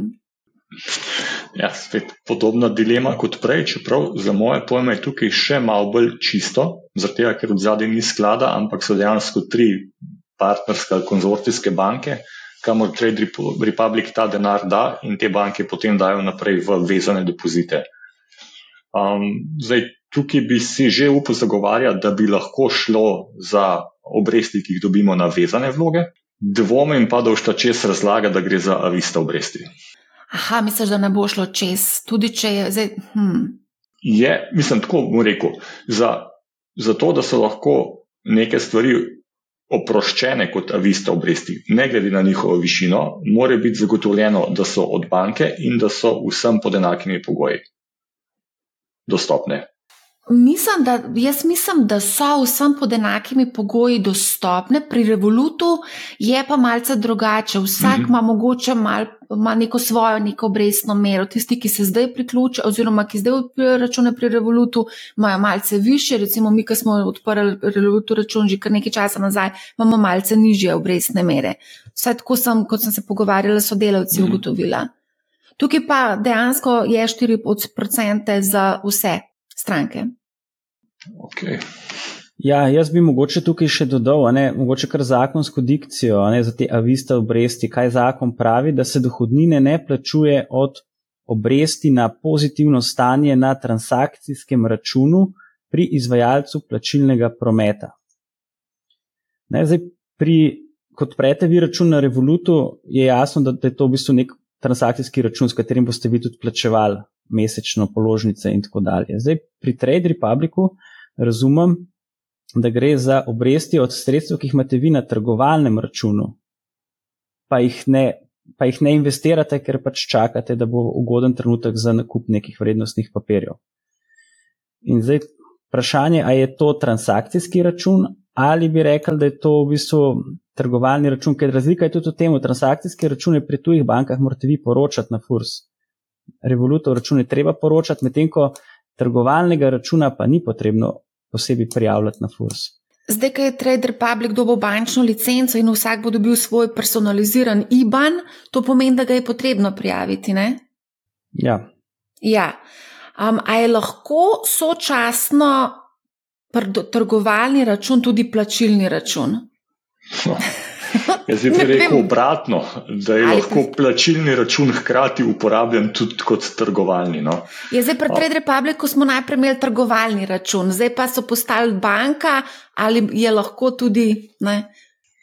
Ja, ne, kako smo rekli, ne, čim dobi ISIN kodo, je za moje pojme to plačilni račun. Ne ISIN kodo, so IBAN. IBAN, IBAN ja. uh mhm. -huh. Torej, um, kaj, kaj bomo... tudi Furs še ni dal pojasnila? Ne, ne, to bo po moje sočasno, tako za Revolut kot za uh, Trade Republic. Um, mislim, jaz tega pojasnila še nisem videla. No? Um, se pravi, um, Furs dostop, kako ima, ima Furs dostop do teh podatkov? Se pravi, ima, ne, v, v sklopu te avtomatske izmenjave bo dobil tudi od Revoluta in pa od Trade Republic, sicer mogoče še letam septembra, enkrat ne. Ja, mislim, da moramo ločiti med avtomatsko izmenjavo podatkov in pridobitev podatkov na zahtevo. Avtomatska, tako kot je Jure rekel, se naredi v drugi polovici leta za preteklo leto. V sklopu te izmenjave običajno FURS dobi podatek o stanju na računu, pa o prometu na računu. Um, Medtem ko, če pa vem, furs ugotovi ali pa dobi indic, da ga vi malo preveč muglate, no, takrat pa lahko tudi direktno pošle samo za vas po izvedbo za pridobitev podatkov in dobi pol, tudi bolj podrobne podatke. No, Trade Republic je tudi zdaj, oziroma bo zdaj vsak čas lansiral, oziroma je lansiral plačilno kartico, skupaj z Viso so jo naredili. Kako bo pol to zdaj izgledalo? To bomo imeli trgova, ne, trgovalni, pa plačilni račun bo sta ločena. Ne, ne, Ja. Prav, ne vem, kako bojo naredili tle, ne? ampak če boš imel ti kartico, ta kartica bo zvezana s plačilnim računom, sploh če bo debetna. Ja. In ta del bo definitivno treba in prijaviti na FURS, IBAN številko. In potem tudi obresti, ki bojo tam gor iz tega naslova letele, bojo vem, ali avista ali pa depozit. Bomo Ampak... videli, no, kaj bo Furs rekel. Ne bi rad kele ugibal, no, ker mogoče šla pa stvar neko čisto tretjo smer. Uh mhm. -huh. Ampak zanimivo je tudi, recimo, to 5. decembra so prijeli v bistvu bančno licenco. Do 5. decembra so bili to klasični, mislim, so bili to neobroker. Zdaj, a ne to pomeni, da vse je potem teh 4% ali kako koli že bilo, bo drugače obravnavanih do 5. decembra in potem mogoče spet drugače od 5. decembra dalje. Se ne vem, so pred 5. decembrom tudi ponujali te 4% obresti. So, so, so. Zanimivo. Jure, delamo. Ja. ja, jaz se tukaj nagibam, da, da do, do pridobitve te bančne licence, da bi to bile obdavčene obresti. No. Ampak mogoče vsem svetujem, da je te še počakati z uložitvijo napovedi, če bo res furs še kakšno stališče zauzel do konca februarja. Ok, um, nagrajevanje strank, gremo še to na hiter pogled. Dobili smo eno vprašanje, da na Interactive Brokers novim strankam so ponudili vrednosti delnice v vrednosti do 1000 dolarjev. Kako je to darilo obdavčeno, ima FURS dostop do teh podatkov, kako sploh prijaviti to, kaj če to darilo izplačuje dividende, je smiselno držati to delnico 15 let. Ja, zdaj tukaj uh, je treba ločiti po korakih posamezne transakcije za davčne namene. Eh, mi imamo v zakonu o dohodnini eno posebno določbo, ki pravi, da eh, niso obdavčene ugodnosti, ki jih pridobite ob nakupu blaga ali storitev, če so te ugodnosti na voljo vsem pod enakimi pogoji. Ne, torej, to pomeni, da recimo, če vsaka stranka, ki odpre račun pri Interbroker, eh, dobi eh, delnice v tej vrednosti, potem v bistvu ne gre za obdavčljiv, obdavčljiv dohodek. Ta ugodnost ni, ni obdavčena. Je pa treba seveda biti pozoren v trenutku, ko boste pa vi iz teh delnic dobili ven dividende, takrat pa že govorimo o neki drugi vrsti dohodka in te dividende, po mojem razumevanju, bodo obdavčene in jih je treba tudi napovedati. Zdaj, tretji korak pri celi zgodbi je pa, ko boste vi te uh, delnice prodali. Kaj upoštevati kot nabavno vrednost teh delnic? V tem primeru, po mojem mnenju, je treba tukaj kot nabavno vrednost upoštevati tržno vrednost v trenutku, ko so vam bile te delnice uh, podarjene. Da, ne gleda se tukaj nabavna vrednost nič, ampak v bistvu um, tržna vrednost v trenutku, ko ste jih prejeli. Um, še eno vprašanje je bilo vezano um, na referle, uh, referral uh, programe, ki prinašajo 40-50 evrov denarne nagrade. Kako je v tem primeru, moramo tudi to prijaviti FURS-u? Ja, tukaj je pa zdaj mogoče zadeva, jaz jo vidim malo drugače kot, kot v prejšnjem primeru, ker tukaj pa se ta nagrada v bistvu nekako pogojuje, oziroma je premijo samo tisti, ki v zameno nekaj naredijo, priporočijo prijatelja, novače nove stranke in kakorkoli dalje. Tukaj pa težko rečemo, da gre za ugodnost, ki je povezana z nakupom blaga ali storitev, ampak v bistvu gre za nek dohodek, ki ste ga dosegli z nekim aktivnim postopanjem. Ne? Tako da jaz bi rekel, da tukaj bi se to obdavčal kot uh, drug dohodek, uh, pri čemer če bi rekel, če bi spet nekako zagovarjali, da je to darilo, ne, bi, bi, bi ta dohodek do 42 evrov neobdavčen po posameznem izplačilu, oziroma skupaj po posameznem letu um, od istega darovalca do 84 uh, evrov. Uh mhm. -huh. Ok, gremo naprej. Uh, frakcijski nakupi delnic, kako je v tem primeru z obdavčitvijo, v primeru, da prodamo frakcijo neke delnice, Pa tukaj je bilo pač nekako, kako je treba biti natančen pri decimalkah. Mislim, transakcije s frakcijami delnic se vsebinsko obravnavajo enako kot transakcije s celimi delnicami, samo da so vrednosti manjše. Glede obdavčitve je vse enako, zdaj glede decimalk. Načeloma, jaz, kadar gledam napovedi do 4 decimalke, grem več, pa ne. No, evo, 4 decimalke, iti. Ja, Pa še to, mu rekel tako, pri mehkih vrednostih so tudi štiri decimalke preveč. Se strinjam, ja. Kaj pa je z, ta, z dividendo? Dividendo je podobno, ne mislim, da ja, je drugačne. Dividenda ni, obdavčitev dividende ni odvisna od tega, koliko delnic imamo, oziroma imamo samo frakcijo delnice. Pač dividenda kot denar, ki smo ga dobili, ga moramo napovedati, če je iz tujine, obdavčen bo s 25%, pa konec. Uh mhm. -huh. In to je to. Cashback, vračilo dela vrednosti nakupov, to je tudi zelo aktualna zadeva. Eh, tudi Trade Republic svojo kartico bo ponujal v bistvu cashback, tako da to bo zagotovo še dodatno zanimalo ljudi. Eh, kako je v tem primeru, eh, tukaj piše, da je da nekaj 100 evrov prihodkov ustvari s cashbacki na leto, ima FURS dostop do teh podatkov, kako je z obdavčitvijo. Ja, zdaj, jaz tukaj tudi ta cashback vidim podobno, kot v bistvu ga razumem kot nek uh, dodaten popust uh, pri nakupu storitev, ki pa se seveda obračuna potem naknadno, ne v trenutku, ko vi to že kupite, ampak šele, ko presežete določeno, uh, določen prak, verjetno nekih transakcij in tako dalje. Um, in to je lahko neobdavčeno pod pogojem, da je to dostopno vsem strankam pod enakimi pogoji. Torej, ko vi dosežete določen prak, je vsak do tega popusta upravičen. Ne? Mogoče ne vem, en tak bizaren primer so recimo tudi Merkatorjeve pike, ne? ko vi zapravite tok in tok, dobite pike in to je na nek način tudi, bi lahko rekli, cashback, ok.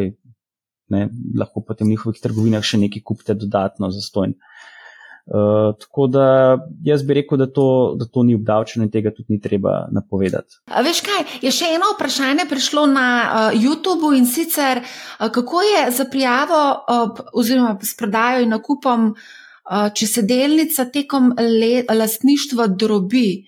Uh, se pravi, ti kupaš, uh, recimo, da imamo pogled, recimo slovensko primer, uh, cinkarna pa petrol, ki sta se razdelila oziroma cepila. Kako je v tem primeru, naprimer? Ja, mogoče lahko jaz povem, ker smo bili pred kratkim imeli tako situacijo. Sama cepitev delnice v bistvu ni uh, davčno relevanten dogodek, torej tega ni treba posebej napovedati. Je pa seveda treba biti pozoren, ko se bo vlagala davčna napoved, kasneje, ko boste enkrat tak vrednostni papir odsvojili, da se seveda potem tudi nabavna vrednost in pa število uh, delnic uh, ob pridobitvi prilagodi glede na samo cepitev. Ne, torej, to je treba pač izračunati to razmerje, kakšno je bila cepitev, je bilo to 1,5, 1,10 uh, in to potem v napovedi tudi upoštevati pri podatkih o pridobitvi take delnice.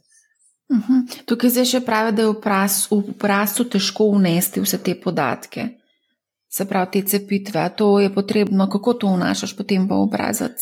Ja, to je ena stvar, ki jo treba ročno mislim, narediti. Mi smo pač delali smo za eno tujo banko, ki ima pač sredstva v upravljanju in so želeli, oni tudi pošljajo svojim strankam, slovenskim davčnim rezidentom, neke pač letne reporte. In, in ravno pri teh cepitvah smo se ustavili, ker so pač oni to napačno noter prikazali in bi lahko celo zavedali davčnega zavezanca s tistim, kar so noter dali, ker so dali, da je pač bila takrat odsvojitev in polna nabavna vrednost nič. Tako da to je ena stvar, ki jo treba, ker vi v papirju o pridobitvi, ki ste kupili vrednostni papir, tisti podatki o številu delnic, pa nabavni vrednosti, tisti treba potem ročno preračunati, pa v davčno napoved unesti, glede na to razmerje cepitve. Ok, zdaj smo pa prišli do ljudske oziroma narodne obveznice oziroma obveznice za državljane. Danes je Ministrstvo za finance objavilo, pač, da bodo izdali obveznice za državljane. Izdane bodo v začetku februarja z ročnostjo treh let, obseg izdaje pa je predviden v višini 250 evrov. Zneski upisa do od 1000 evrov, maksima, minimalni 1000, maksimalni 100 tisoč, obrestna mera še ni znana. Obdavčitev je zelo zanimiva. Ne? Zakon o obnovi eh, prinaša prav prijetno presenečenje. Jaz nisem vedela, moram priznati. Um, in sicer za fizične osebe, za, da se bodo obresti fizičnih oseb, ki vlagajo v vrednostne papirje države, to so pravi zakladne menice, kot tudi za obveznice, izdane v letih 24, 25 in 26, pri plačilu dohodnine izenačile za obravna, obravnavo obresti iz denarnih depozitov pri bankah in hranilnicah. Torej, ne bodo obresti obdavčene do višine 1000 evrov. Ivan, ti si danes ja. že nekajkrat eh, želel govoriti o tem. To, to, to dejansko drži. No. Um, ta zadeva v zakonu o dohodnini ni bila zajeta, zaradi tega je bila um, s tem novim zakonom o obnovi um, rekel, porinjena noter, si 23. ali 24. decembra je to začel veljati. In dve stvari ne, sta bile pravzaprav s tem zakonom narejene. Prva je v ta pul tisočih evrov oproščenih obresti, zdaj spadajo tudi obresti od teh ljudskih obveznic seveda pod pogojem, da gre res za papirje izdane strani države v letu 24, 25 ali 26 in izključno za fizične osebe. In pa druga sprememba, no, ki je bila dana tudi v zakon, je, da če boste vi obresti do višine 1000 evrov in vam padajo v ta pul bank, hranilnic ali pa ljudskih um, obveznic, vam napovedi sploh ni treba dajati. Uh mhm. -huh. To je tudi v redu. Ne? Eh, zagotovo bo to, kar po moje, kar velik naval na, to, eh, na te obveznice. Tudi na Hrvaškem je bil kar precej velik naval, tam so že izdali dve. Dvakrat narodne obveznice, tudi v Severni Makedoniji, tudi v Belgiji, Španiji, Italiji, povsod je bil mhm. to kar en tak velik hit. Eh, s pozitivno zagotovo je to, da, um, da so tudi davčno optimizirali za to. Ne? Zdaj, ne? Mislim, je fino, Mogoče je to dober prvi korak, da se ljudi pripravi za vlaganje v finančne trge. Um, fajn je, ne, ker pravzaprav celoten donos dobiš ti in na ta način saj malo probaš offsetati inflacijo. Um, smo pa slovenci še vedno malo, malo tistega grenkega priokusa zaradi tega BM-a pa ne loboja. Da, da ne bomo čez eno leto kopirali člankov iz 15 let, pa sam zamenjali ime. Ja, ja. Bomo videli, no, sicer tukaj se mi zdi, da niso bile neke slabe izkušnje iz tujine, no, tako da da bomo že. Je pa res ne, za tveganje treba biti seznanjen, to je v bistvu tudi finančnega pismenjevanja. Mislim pa, da so celo navedali, da v bistvu želijo nekako ljudi finančno pismeniti z enimi takimi konzervativnimi uh, naložbami, kot so obveznice. To, to je čist prav. Um, recimo druga stvar, ki jo jaz vidim tudi kot možnost, kako ljudi malo potegniti nazaj na borzo, je, da bi naredili nepremičninske sklade, tiste prave nepremičninske sklade. Se pravi, ja, ti bi res imel. Um, v lasti enoto nekega sklada, ki je bila pa v zadnji podprta z vrednostjo nepremičnin, ker Slovenci imamo pač neko afiniteto do nepremičnin, v to zaupamo. Ne? In če bi vem, vlagali nepremičninske sklade, bi se opismenjevali glede finančnih inštrumentov, hkrati bi imeli pa nekako, nam reko, garancijo, ne? ampak malo večji komfort glede tega, da je vrednost v zadnji z nečim realnim podprta. No, Tudi že danes lahko investiraš v takšne sklade, imenujejo se RAID. RAID so, ja, ampak v Sloveniji jih nimamo. No, še zmeraj lahko kupaš, ne. To pa res, nimamo pa slovenskega. Ja. Drugač ja. pa smo pa imeli nepremičninske sklade od uh, General Investments in pa še mislim, da od Alfi, sicer namenjene za uh, institu institucionalne vlagatelje, se pravi za dobro poučene. Torej, no, zdaj, ko menimo dobro poučene, kdo so že dobro poučeni vlagatelji, koliko morajo v bistvu investirati, da se smatrajo kot dobro poučeni? A mogoče veste iz glave? Ne veste. Ne, mislim, da je 50 tisoč. 50. Ampak. Mm ampak zelo na pamet govorim. No. Ja. Zakladne menice, to je tudi en velik hit lanskega leta in očitno bo tudi prihodnjega leta, kajti tudi zakladne menice sodijo ta, pod ta zakon o obnovi in tudi ne bodo obresti obdavčene do višine tisočih evrov. Um, obeta se kar precej pestra izdaja. Koledar izdaj uh, zakladnih menic je objavljen na Ministrstvu za finance pod zadolževanje in upravljanje z dolgom državnega proračuna. Zdaj Slovenija ima načrto, da bo vsak prvi torek v mesecu izvedla aukcijo državnih obveznic, izjema sta avgust in december. In pa v planirani sta tudi dve izdaji 18-mesečnih zakladnih menic, Za april in oktober ste načrtovani, sicer pa imamo različne dospelosti 3, 6, 12 in 18. Imamo tudi eno vprašanje vezano na zakladne menice, kako pravilno poročati slovenske zakladne menice na okup na aukciji in držanje do zapadlosti. Tukaj imamo značen Ivan. Ja, a ni Jure to na začetku razlagal? Ja, mogoče, jaz bi zdaj tako rekel. Um, Zdaj ta nova posebna davčna obravnava mi ni poznana, ampak kar sem prej Ivan razumel, v tem primeru take obresti ne bojo obdavčene, seveda do 1000 evrov in tudi napovedi ni treba vlagati. Uh, če pa uh, govorimo recimo o nekih tujih zakladnih menicah ali pa zakladnih menicah na splošno, kot je v zakonu o dohodnini urejeno, je pa treba seveda obresti od teh zakladnih menic uh, napovedati. Ne? To so kot klasične obresti in tukaj se tudi ne prizna nobenega zmanjšanja za 1000 evrov, kot to velja za, za recimo za depozite. Ne, ker okay. vsem zakladna menica je dožniški vrednostni papir in uh, v bistvu se kot obresti iz dožniškega vrednostnega papirja to uh, napove. Mm. Um, gremo na hitro še na obvezniške sklade, imamo ETF, imamo klasične vzajemne sklade, ki jih kupujemo prek DZU-jev. Kako je v tem primeru z obdavčitvijo? Iz obvezniških skladov dobičkov? Ja, zdaj dobiček v osnovi se obdavči kot uh, dobiček kot odsvitvi vrednostnega papirja.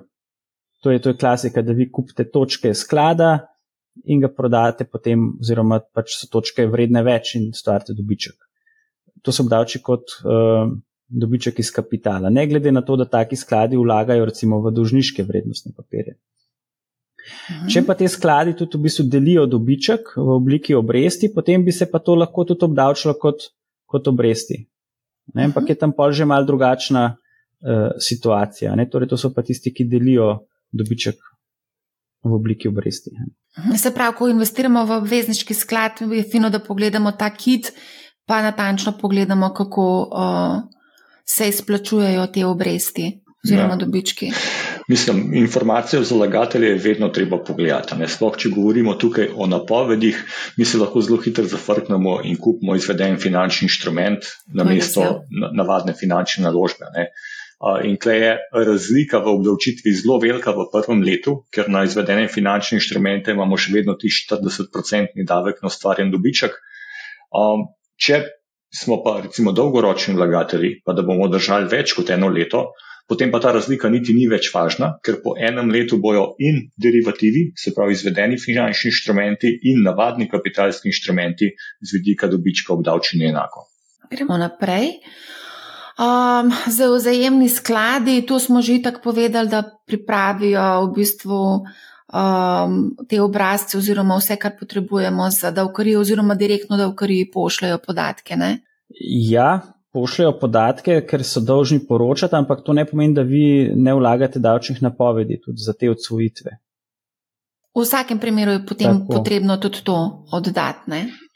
Ja, ponavadi dobite tam, če greste pod upogled noter ve davkih, dobite lahko že celo predizpolnjene obrazce, ki so oni poročali te podatke, ampak vseeno morate pa vi sami pa klikati, če oddaj pa podpiši. Uh -huh.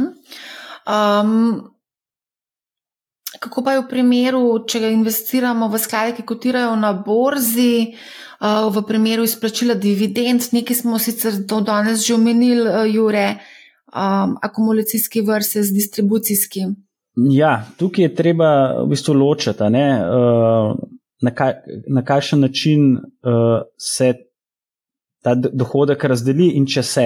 Torej, če se dobiček akumulira in se ne razdeli, potem to ni obdočljiv dogodek. Mi se bo davek plačal potem enkrat v bodoče, zaradi tega, ker bo višja prodajna vrednost in to obdavčil kot kapitalski dobiček. Potem pa imamo ETF-je, ki so distribucijski, pri čemer imamo dve varianti. Ena varianta je, da, da, da v bistvu distribucija se zgodi v obliki denarja, potem so to v bistvu kot dividende, in pa druga varianta je pa, da se v bistvu dobi um, nove točke sklada ali pa da imamo reči nove enote tega ETF-a, in tudi v tem primeru gre, v bistvu se to obdavči kot, kot dividenda. Ampak pogoj je za to, da se dobi nek, neko novo um, enoto ne, sklada. Tukaj imamo še eno vprašanje na YouTubu in sicer uh, investira v mesečno vlaga pač v ta akumulacijski ETF. Kako je z davki po 15. letu, vkolikor bi želel prodati in izplačati celotno vsoto? Je potrebno za vsak mesec preteklih 15 let preveriti trajanje pozicije? Ja, se, to smo že prej omenjali, ta metoda first in, first out. Skratka, najprej se šteje, da si odsvojil tisti um, vrednostni papir, ki si ga um, najprej dubu. In zdaj, če si vse enote že dubu po 15 letih, potem dejansko ne bo nobenega dobička. Če pa počakaš recimo samo 16 ali pa 17 let, se ti pa lahko zgodi, da za tiste najstarejše boš izpolnil 15 let, za tiste najnovejše pa mogoče še ne. Dvojna obdavčitev, to smo že imeli na začetku, Jure, si ti povedal. Zelo veliko se govori o kopiranju portfeljev, sploh preko e-tora. Tukaj obstaja kar precej nekih nevarnosti, na katere morajo biti vlagatelji pozorni. Mogoče, Ivan, če lahko poveš, ali pa ti, Jure, kako je z kopiranjem portfeljev? Ja, mislim, pri kopiranju portfeljev gre za to, da v bistvu program dela določene transakcije prodaje na kupe in vsaka taka prodaja, v bistvu, je bo treba potem napovedati. In tukaj se lahko zgodi, če, če sledite nekomu, ki veliko trguje, da bo teh prodaj veliko in bo potem glavobol pri pripravi davčne napovedi, če nekih, eh, ne bo nekih uredov evidenc. Ja. Mislim, z vidika davkov, še vedno govorimo o obrestih, dividendah, pa kapitalskih dobičkih, pa kako je to treba napovedati. Um, stvar, ki se morate kle zavedati, je, da pri high volume traderjih, če jih kopirate, uh, imate enako kot oni tudi vi velike stroške transakcijske. In kot drugo, ne, ne kopirati človeka iz drugačne davčne jurisdikcije. Zato, ker mogoče bo določen finančni inštrument pri njemu neobdavčen ali pa obdavčen kot kapitalski dobiček, pri nas pa kot derivativ. In boste že zaradi tega plačali več, oziroma bistveno več davka kot on, in mogoče stvar ekonomsko ne bo več vzdržna za vas. Ja. FIFA, to smo zdaj že pojasnili, ne bi zdaj še enkrat šli v to zgodbo, kar gremo naprej. Mm. Uh, zdaj imamo pa dividende. Um, z obdavčitvijo dividend slovenskih bločipov, to smo povedali, 25-odstotna obdavčitev je. -hmm. Kako je v primeru, da dividende slovenskih podjetij prejmemo preko Trade Republic, ali v tem primeru moramo prijaviti dividende Fursu, ali nam broker samo tegne davek, kako v tem primeru prijaviti davek? Ja, to je ena posebnost. Ehm, če dividende izplača slovenska družba, pri obisplačilu že naredi davčni odtegljaj, torej pomeni, da v vašem imenu na vaš račun odtegne in plača ta davek državi. Kar pomeni, da vi tega, te, te, teh dividend v napovedi ne rabite vključiti in jih napovedovati. Ne poveste samo tiste dividende, ki ste jih prejeli od tujih izplačevalcev. Ampak lahko se zgodi situacija, mogoče čisto izkušnja iz prakse, eh, da seveda ta tuji uh, trader, recimo Trade Republic, bo pa, ko bo poročal svojemu fursu o višini dohodkov, ki ste jih vi dosegali, bo v ta znesek notor vključil tudi dividende od slovenskega podjetja, recimo od Krke. In potem bo Furs dobil podatek, seveda Furs ne bo dobil podatek, od koga vse ste vi dobili dividende, ampak samo skupen znesek dividend. In ker, ker ta skupen znesek dividend se ne bo ujemal z zneskom dividend, ki ste jih vi v Sloveniji napovedali, vas bo pozval na dopolnitev. In takrat je pa treba potem v bistvu narediti disclosure in povedati, da teh dividend niste napovedali, da gre za dividende od slovenskih izplačevalcev, ki so že naredili davčni utegaj in zato vi niste dolžni te napovedi za njih uložiti. Potem mogoče... tudi FURS v bistvu tako razlago, vsaj v tem konkretnem primeru je to sprejel in je bila zadeva zaključena. Um, primer, recimo, da imaš domačega brokerja, Ilirika BKS uh, in pa delnico Krke, recimo, in pa da preko Trade Republika kupaš recimo tudi Krko. Kako je v tem primeru? Ja, v nobenem primeru od teh dividend eh, ne rabiš vlagati napovedi v Sloveniji. Um, mm, mm, to smo že vse odgovorili, a ne? Um, kaj pa dividende, ki so bile izplačene večkrat na leto, to so predvsem za kakšne ameriške delnice izplačajo večkrat letno, tudi slovenski, ta Salus izplača, mislim, da dvakrat na leto, tudi NLB dvakrat letno. Se sešteje znesek vseh ali treba ločeno uh, prijavljati v napovedi? Lahko tuje dividende poročaš kot skupno vrednost od istega podjetja ali je potrebno vsako dividendo poročati posebej? Ja, zadeva je taka, ne? včasih si mogel te dividende sproti poročati v 8 ali 15 dneh. Potem se je zakon spremenil in zdaj se za vse prejete dividende v določenem koledarskem letu odda samo eno napoved do 28. februarja. Še vedno je pa treba poročati vsako, vsak prejem dividende posebej. Se pravi, če ste vi dobili petkrat izplačano tekom leta, pa čeprav od istega podjetja, morate tam napisati pet obdavčljivih dogodkov. V končni fazi boste plačali davek na skupno vrednost prejetih dividend, 25% na skupno. Samo za namene analitike pa poročanja je treba pa vsako pridobitev dividende posebej kot postavko poročati um, v obrazcu. Dividende, drugi del. Um... Ja, v začetku leta 2023 sem začel uporabljati Trade Republic, preko katerega sem preko savings plana mesečno s fiksnim zneskom kupoval ETF in nekaj tehnoloških delnic. Zaradi nekaterih delnic sem dobil izplačene dividende, vendar so te, te zneski zelo majhni. Vsega se je nabralo pod 5 evrov. Ali moram to prijaviti Fursu? Ja, odgovor je da.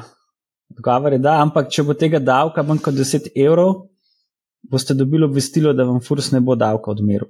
Da, ampak še zmeraj je treba delati in vse je treba prijaviti. Evo, kolikšen je minimalni neoblačil, oziroma neoblačil, pač ta znesek, ne si rekel, Jure, ravno kar 10 evrov, ne? če je pa 10 evrov. 10 evrov davka, ne? zdaj glede na to, da je dividenda obdavčena s 25%, to pomeni, da do višine dividend 40 evrov se vam davek dejansko ne bo odmeril, napovedati boste mogli pa vsem. Uh -huh. um, Da ima mogoče na hitro še vprašanje z YouTube. V primeru dividend ameriške delnice že nakazovalec sredstev odbije 30 odstotkov, potem 70 odstotkov obdavči še FURS po 25-odstotni eh, stopni. Drži? Um, ne, čisto. ne. um, tako je, ja, 30 odstotkov je narejenega od tegljaja, od 100. Ampak tukaj je zelo pomembno, da ko se vlaga davčna napoved, se kot bruto višina dividende navede 100 in ne samo 70. Čeprav ste vi samo 70 prijeli na račun, Potem pa vam bo seveda ta v tujini plačan v ZDA odtegnen davek, samo bo priznal do višine stopnje po konvenciji o izogibanju dvojnega obdavčevanja, mislim, da je ZDA 15%, kar pomeni, da 15% se vam bo priznal in potem boste mogli še 10 enot doplačati, da pridete do 25, kolikor je davčna obveznost po slovenski zakonodaji. Tistih 15 dodatnih je pa v bistvu na nek način izgubljenih. In to je točno tisto, kar sem prej govoril, kjer se da mogoče davčno optimirati, je, da, da, da se pač izogibate takim situacijam, oziroma če imate dividendno politiko, da vlagate v vrednostne papire, ki dajo visoke dividende, da to niso recimo delnice ameriških podjetij, ker potem imamo točno to situacijo, ko boste plačali v bistvu 35% davka, namas 25%. A kako pa je z tem zadnjim vprašanjem v tem uh, dividendnem delu? Krkine in Equinor dividende so bile znotraj aplikacije na Trade Republic obdavčene s 25%, Novo Nordisk se 28%, Microsoft 15%, Petroleo, Brazilero pa 15% in prvič 15%, drugič z nič, kakšne so moje obveznosti do države. Ja, tako je. Ne. Za vse tuje dividende boste mogli napoved dati. Za slovensko Krko, klej čisto konkretno, vam napovedi ne bo treba dati in tudi 25-odstotni davek je bil že plačen. Je. Ja. Pri ostalih tukaj nekaj davkov tudi ni bilo plačenega, ampak posod tam, kjer je bilo utegnjenega več kot 15%, bo ta presežek, po domač povedan, ali izgubljen, ali se boste pa zelo matrali, da ga boste v teh tujih državah nazaj dobili. Vsekakor bo pa v Sloveniji treba plačati 25%. In teh 25% je lahko sestavljenih iz 15 že plačanih plus 10 doplačila, ali pa v tem čisto zadnjem primeru nič plačanih v tujini in 25% doplačila v Sloveniji. Uh, ne vem, kdaj sem kupil delnice, kje dobim to informacijo. To smo že na začetku povedali, da je treba uh, te stvari si nekako beležiti, oziroma imeti evidenco nakupov. Ne? Potem to bo pomembno, ko bomo prodajali. Ja, mogoče bi jaz tukaj dodal, ne, da, da izgovor, da ne morete podatka dobiti, zato ker vam ga ne da vaš broker, v bistvu na fursu ne bo pil vode. Ne, zato ker vi, kot davčni zavezanec, ste dolžni te evidence voditi, ne vaš broker. Koliko časa bo pa broker ohranil od naše podatke o nakupu oziroma transakcijah? Ja, zdaj, jaz mogoče lahko en čist praktičen primer povem, uh, da pač en broker je hranil podatke samo za tri leta nazaj o pridobitvah.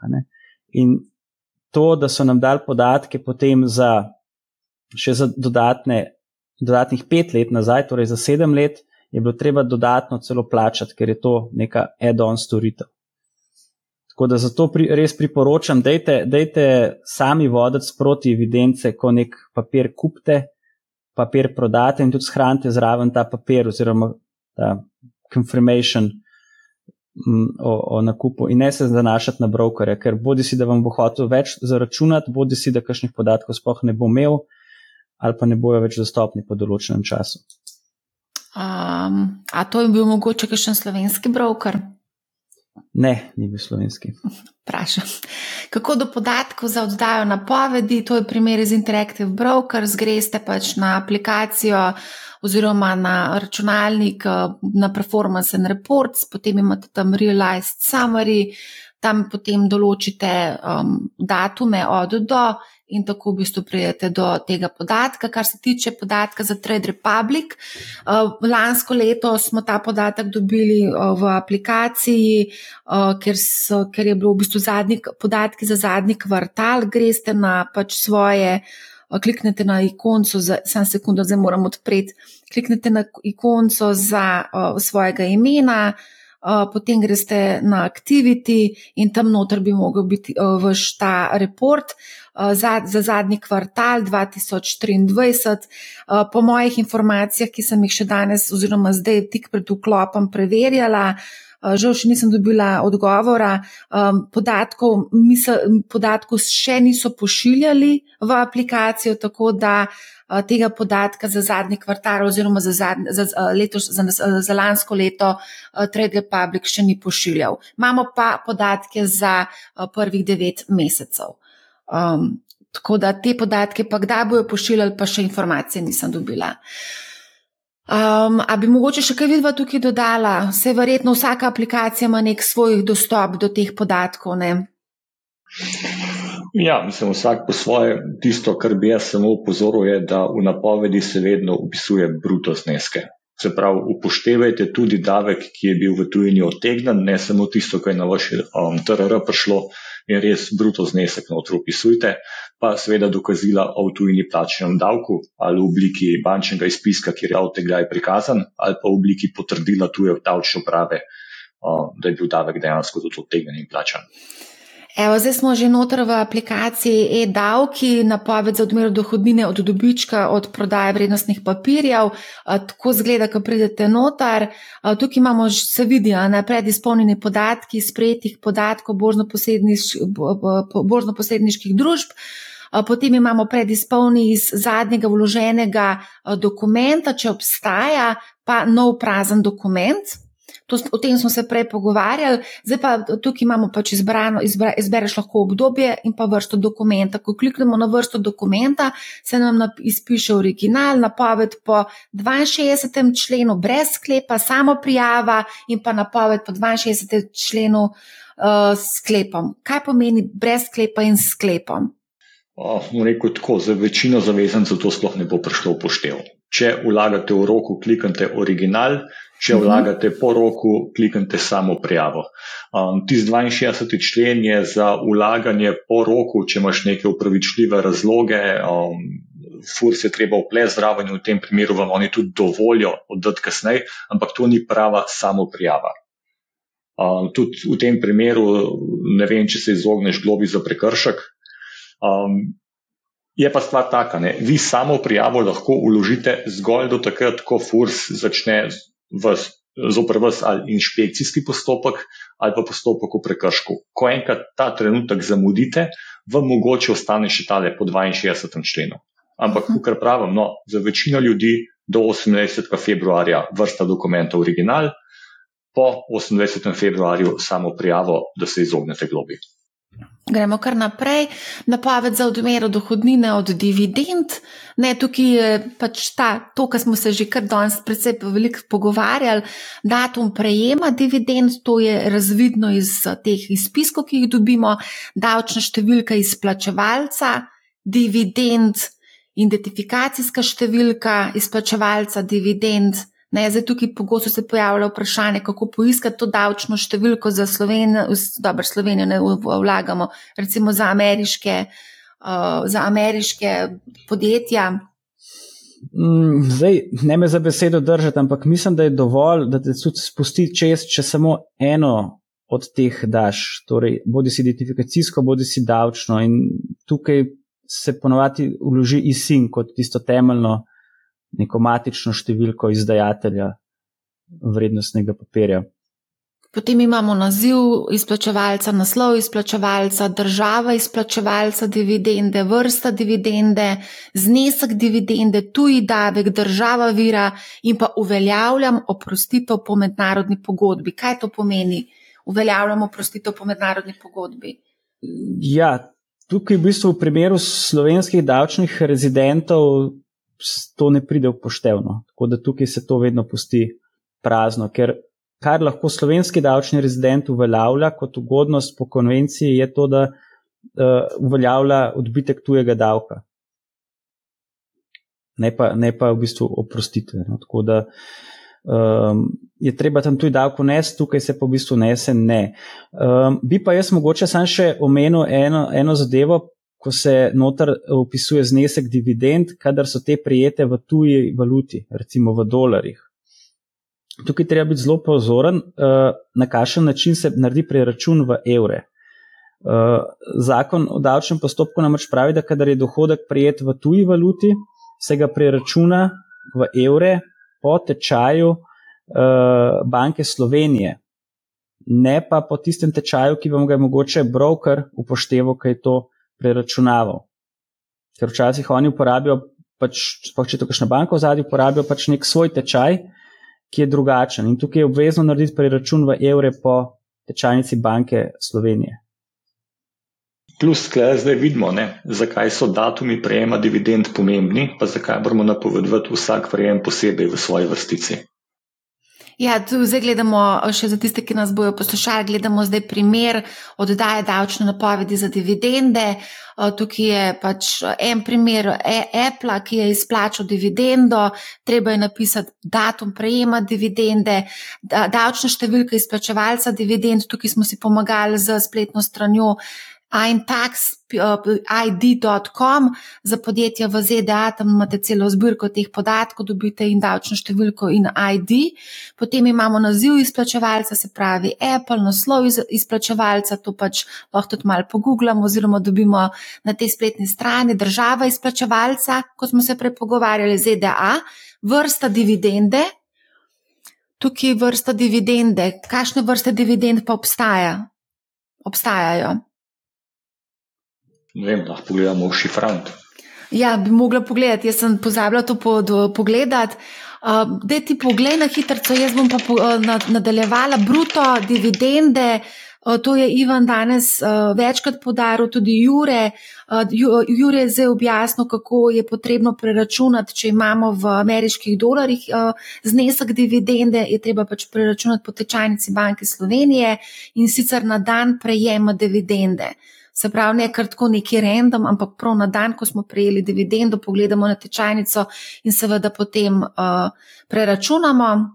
Evo, sem našel, da no. vrsta dividende.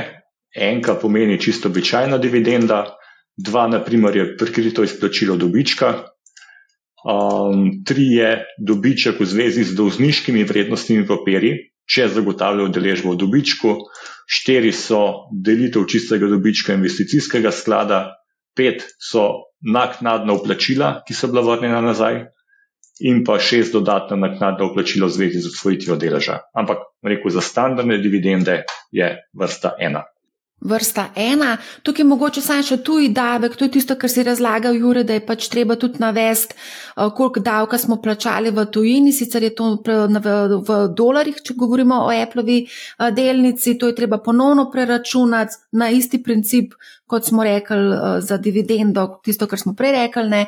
in je to to, in tako oddamo. Ne? Tako je. A je tukaj še karkoli za dodati? Poleg tega, da je potrebno napisati bruto zneske. to je tudi naj, ena najbolj pogostih napak pri oddaji uh, davčne napovedi.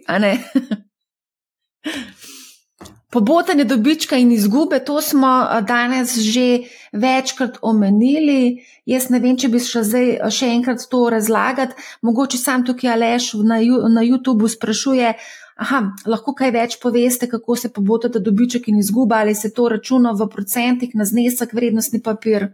Mogoče, če ta, ta drugi del odgovorimo. Ne, če imamo recimo v absolutnih cifrah, ne?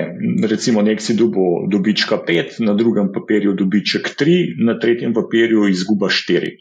Se pravi 5 plus 3 minus 4. Um, to je, če so vsi obdavčeni, pač um, zadeva je odvisna tudi od tega, um, če govorimo o kapitalskih dobičkih, koliko časa si že bil lastnik, pa s kakšno stopno bo potem ta kapitalski dobiček obdavčen.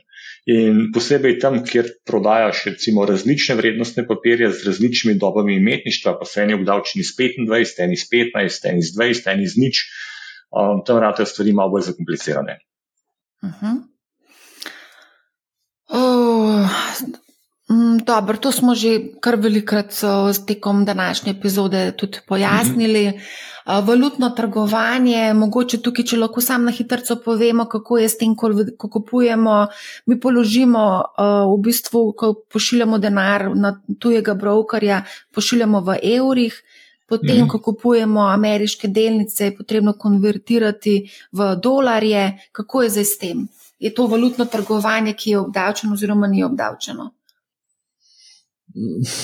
Ne, jaz same konverzije ne vidim kot obdavčene, to ni obdavčeno. Eh, treba je pa seveda nabavno vrednost papirja preračunati v evre po tečaju ECB-ja oziroma Banke Slovenije, kot smo prej ja. omenili.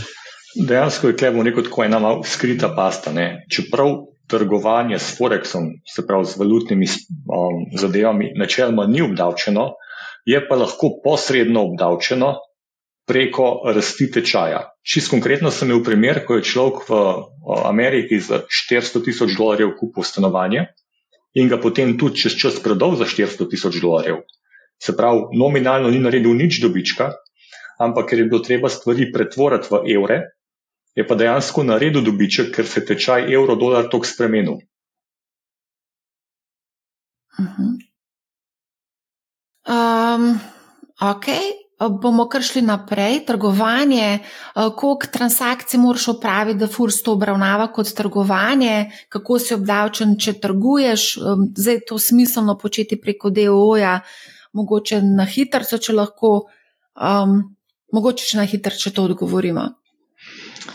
Ja, mislim, če greš v delo, pa je to definitivno biznis, ne se pravi dejavnost. Pri fizičnih osebah pa ni nekih trdnih meril, da se šteje, da nekaj upravljaš kot dejavnost, zdaj pa kot zasebnik oziroma občasni trgovalec. Sploh v zvezi s kriptovalutami je FURS dal neka navodila ali pa primere, da se šteje, um, da že upravljaš dejavnost, stvar je vezana predvsem ali na velikost portfelja, ali na frekvenco tradanja, uh, ali na število transakcij in tako naprej. Ampak spet, ne, Furs bo vedno rekel, presojamo od primera do primera. Načeloma je pa tako, ne, da dokler občasno delaš transakcije s svojim premoženjem, to praviloma ni dejavnost. Če pa menedžiraš tudi portfelje drugih, ali pa za njih vlagaš, ali pa svetuješ, takrat je pa že lahko dejavnost zelo hiter, tudi če imaš relativno mehne um, transakcije, ker je vsebinsko ni namenjeno lastnemu trgovanju, ampak ponujanju svoje storitve na trg. Normirani stroški, uh, gremo kar ta primer na hitro prebrati. Na Interactive mm -hmm. sem kupil akumulacijski ETF in ga držim toliko časa, da dosežem, in ga držim toliko časa, da dosežem 1,9 odstotni donos, potem bi ga prodal in kupil podobnega in ponovil zgodbo. zgodbo. Ob, ob, ob vsem tem bi izkoristil davčno priznane normirane dohodke v višini enega procenta nakupa in enega procenta prodaje in se tako izognil odločitvi kapitalskih dobičkov ali moj plan štima. Ja, ta... Ima pa eno napako, ki je Jure že omenil. um, ja, zdaj, uh, glede samih normiranih stroškov, to področje je bilo tudi spremenjeno, mislim, da par let nazaj, ker včasih si lahko s tem tudi v bistvu umetno ustvaril neko izgubo, ki si jo potem pobotal z dobički. Zdaj, po novem, se ti normirani stroški priznajo največ do višine davčne osnove. Um, in tudi zato mislim, da je ta 1,9 odstotni donos bil izračunan naravno na to, da v bistvu potem prideš nekako na, na ničlo. Uh, tako da, po mojem, ta plan bi jaz rekel štima. Seveda, predpostavljamo, da se je skozi dobičkom prodajal, ker problem je pri izgubi, če potem spet kupaš, da ta izguba ne bi bila priznana. Je pa treba tukaj paziti, da ne boste na koncu plačali več uh, provizij brokerju, kot pa bi bilo davka ki bi ga tukaj plačal. No. Ker seveda vsak, vsaka prodaja in potem spet nakup, ne, si bo broker eno provizijo od tega vzel. Um, gremo naprej. Uh, kaj pa, če se zgodijo kakšne menjave v znak, verjetno isin ostane nespremenjen, ne, tudi če se oznaka spremeni. Ja, isin je v bistvu tako kot naš emšo. Uh, ali pa davčna številka, da imamo temu reči. Karkoli se bo zgodil, davčna številka bo ostala. Mi zamenjamo ime, zamenjamo prebivališče, se poročimo, se ločimo, eh, se pišemo drugače, ampak eh, isin bo pa ostal. No? Tako da dajte vedno po isinu gledati, ne pa po sami firmi ali po znaki vrednostnega papirja. Uh mhm. -huh. Evo, končno prišli smo do kriptovalut. Kaj je zdaj z obdavčitvijo kriptovalut? Nič novega. Ne, tale, tale me pa mal presenetil, kar smo dobili od poslušalca, gleda, gledalca. Kako je za obdavčitvijo kriptovalut? V letu 2024 si mislim izplačati na bančni račun par milijonov evrov. Par milijonov evrov. Kdo vse, to sem potem jaz dodala, kdo vse me bo poklical, kdo bo prišel, kako, kako bo denar prišel na račun in kako ne se pripravim na ta klic. Ker ja. jaz tudi namreč poznam en, pač nekoga, ki si je izplačal nekaj milijonov, uh, ki so bili pač iz kriptosveta, uh, dobo je klic uh, bančnika. Ja, banka je ponavadi ta prva, ki pokliče, zato ker ta prvi zaznajo priliv. Uh, oni običajno potem, če gre za karkoli sumljivega, oziroma če gre res za velike zneske, uh, obvestijo urad za preprečevanje pranja denarja, pa posledično tudi FURS. Uh, Sveda lahko dobiš kakšno vprašanje od kjerkoli od teh treh regulatorjev, no, ampak v končni fazi, če imaš sledljivost, če imaš izvor denarja dokazan, če lahko vem, dokažeš, da si res dolg cajt držal, pa da se je vrednost portfelja povečala, bo z vidika preprečevanja pranja denarja vse ok. Potem se pa samo še s fursom ukvarjamo, ne? a je ta premoženje nastal kot posledica upravljanja dejavnosti in bo furs zahteval nek davek od tega, ali pa to ni bila dejavnost in gre dejansko za kriptovalute, ki so neobdavčene. Ja, kako je z davkom pri nakupu kripta? Naprimer, kupaš eter z evri in potem ta eter porabiš za nakup bitcoina. Ja, ista zadeva. Ista. Pač, če ne gre za dejavnost, če gre za privatno trgovanje, je stvar popolnoma neobdavčena zaenkrat. Um, potem tudi vprašanje na YouTubu in tudi tukaj, kako je s prijavo uh, in davkom na obresti za investirana kriptosredstva, če recimo stekaš ali pa lending v lending, staking mm -hmm. in lending schemah, kako je v tem primeru? To dejansko predstavlja dohodek za te. Zdaj, Furs je na začetku dal neko pojasnilo, da naj bi šlo v obeh primerih in pri stakingu in pri lendingu za drug dohodek. Ampak, kar sem seznanjen, so potem stvar malenko spremenili no, in zdaj za lending obravnavajo kot obresti. Uh mhm. -huh. Se pravi, enako kot za stajkanje, ne vem, če zihar, no, če je bilo spremenjeno. Na, na zadnje, ko sem imel informacijo, ne bi šlo za drug dohodek, ampak za lending ne bi bila stvar pač podobna kot navadno posojilo in obresti iz naslova posojil. Samo s to razliko, da na mest zakonitega plačilnega sredstva daješ virtualno valuto kot posojilo. Kaj so te obresti, koliko so te obresti obdavčene? 25%, ne, to so obresti, seveda. Ok. Ja, to je tudi en tak zanimiv primer, skupni račun. Žena ima tip računa na Interactive Brokers, Joint, pač to so te, kako se reče, Joint račun po slovensko? Skupni. Skupni račun, evo. Ja, ja. Glede na to, da sem nosilec računa, on je first holder, sem vse davčne dogodke poročal samo za svoj izračun dohodnine, kako pa je s poročanjem za second holder, se pravi za te za ženo, eh, ki pač ni first holder, ki ni nosilec. Um, je tukaj mhm. kaj predpisano?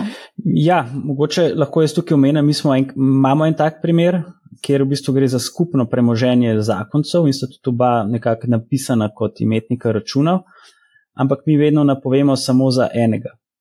Ne? Ampak v dopisu, skrati že v štartu, pač tudi naredimo ta disclosure za FURS, kjer napišemo, da gre za skupno premoženje in da se vlaga napoved v bistvu za celotno premoženje. Ker v bistvu pod črto razlike v obdavčitvi ni. Ne? Zdaj samo vprašanje, ali bi mogli zdaj dve napovedi vložiti, pa kaj vsakmu polovico napovedati, to nima smisla.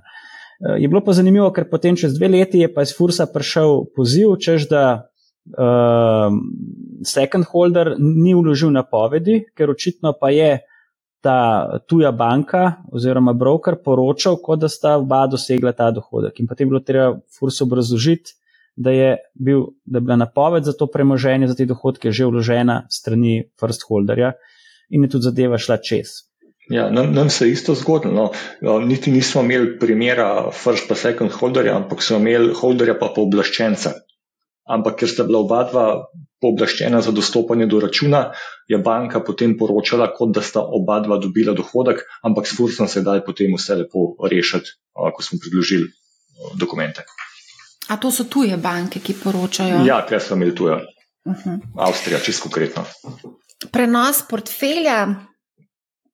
Kako prenesti portfelj, svoj portfelj na mladoletnega otroka? Neobdavčeno. To, to, je, to je prvi dedni red ne? in je to neobdavčeno, ali, pride, ali morš, ne, morš, ne rabaš prodati delnic ali pa katerih koli drugih naložb, zato da se kle, zgodi ta prenos. To so dve zadeve, na katere je res treba paziti in zelo velikrat vidimo to napako. Podaritev kapitala se šteje kot odsvojitev in je praviloma obdavčena. Naslednja stvar, kjer moramo ločiti, je obdavčitev z davkom na dediščine in darila in obdavčitev z dohodnino. Dej, prvi dedni red je res neobdavčen, kar se tiče davka na dediščine in darila, ni pa neobdavčen, kar se tiče dohodnine.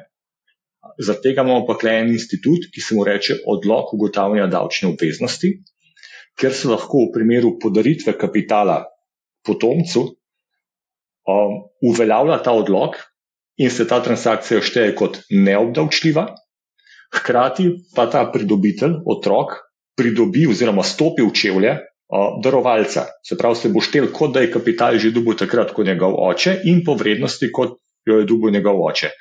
Da pa lahko uveljavljaš ta odlog, moš pa v določenem času, in tukaj je določen prekluzivni rok, uložiti ustrezen obrazec oziroma vlogo na FURS in FURS mora to odobriti. Ne gre avtomatično.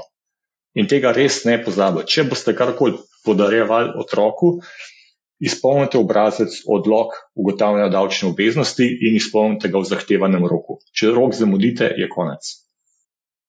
Aha, ta rok je pa postavljen kako? Mislim, da je 30 dni lahko predspogledam. Aha. Se pravi, tudi mora biti na brokerju možnost prenosa. Mislim, načeloma brokerji ne komplicirajo. Mislim, so neki stroški z prenosom, ne? Um, priglasitev se opravi do roka za vložitev napovedi, če gre za tretji pa peti odstavek, jo zdaj zakon berem. ja, jaz bi pa mogoče vmes še ja. eno stvar omenil, vezano na te odloke, zelo pomembna.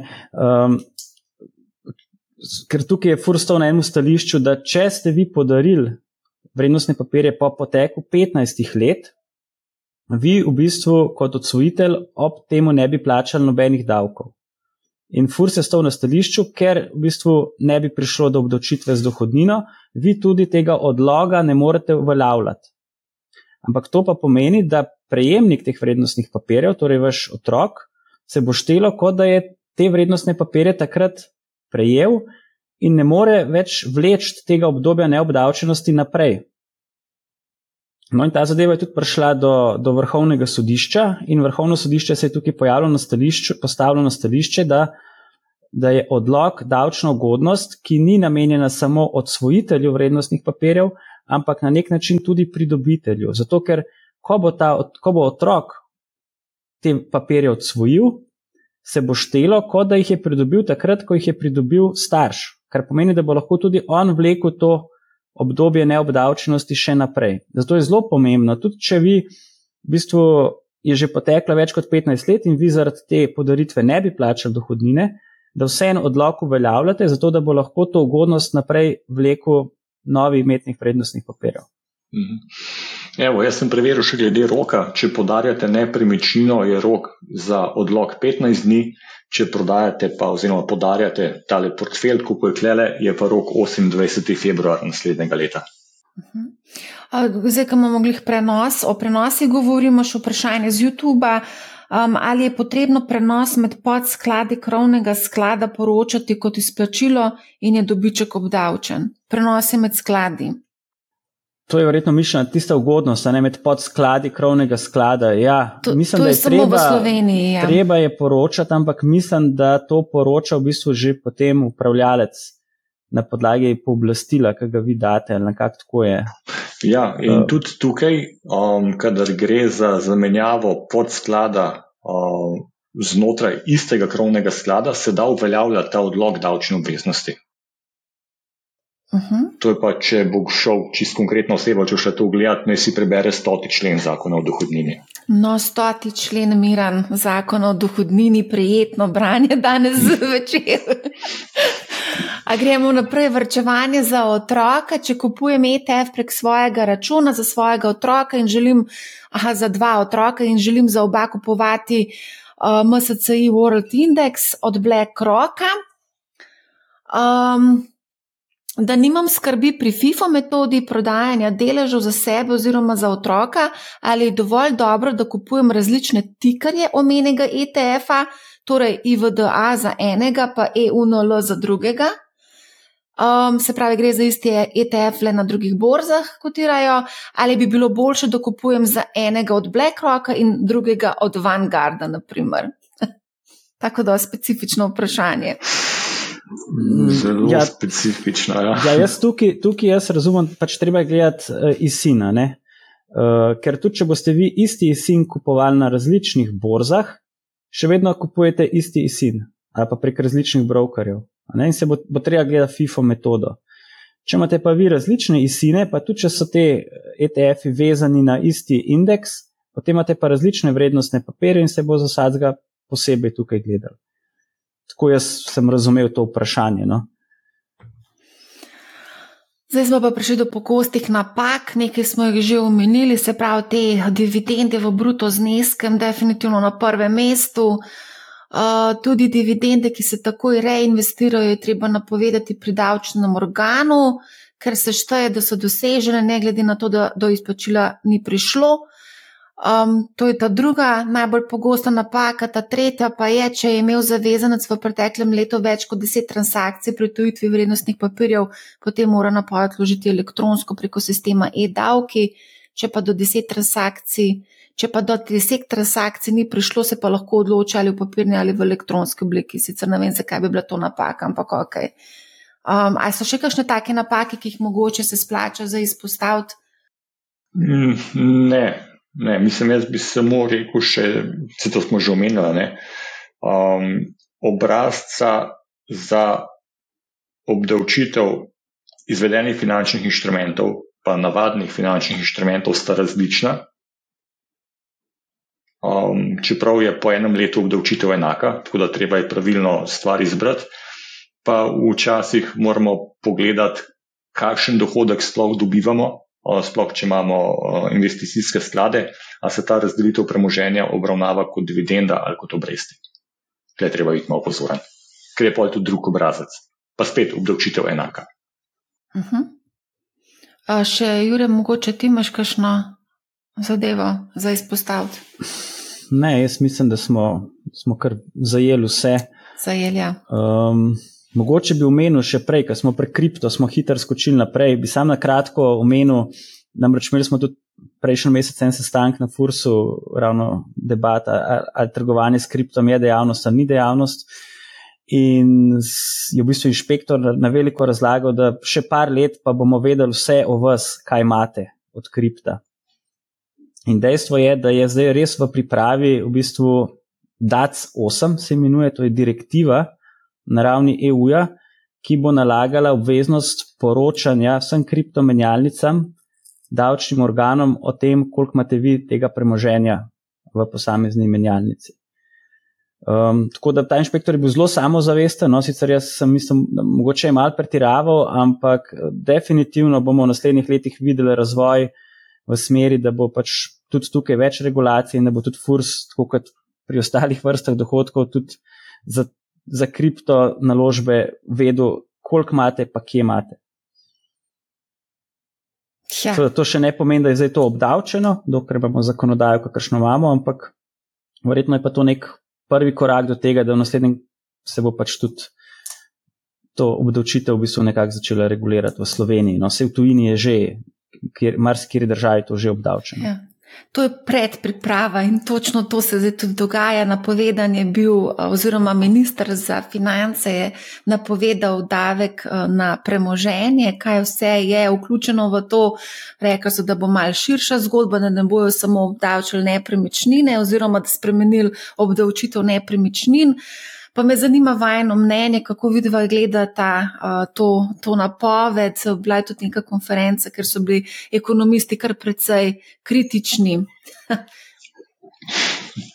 Mislim, ta ideja o obdavčitvi premoženja v Sloveniji že dolg časa zori.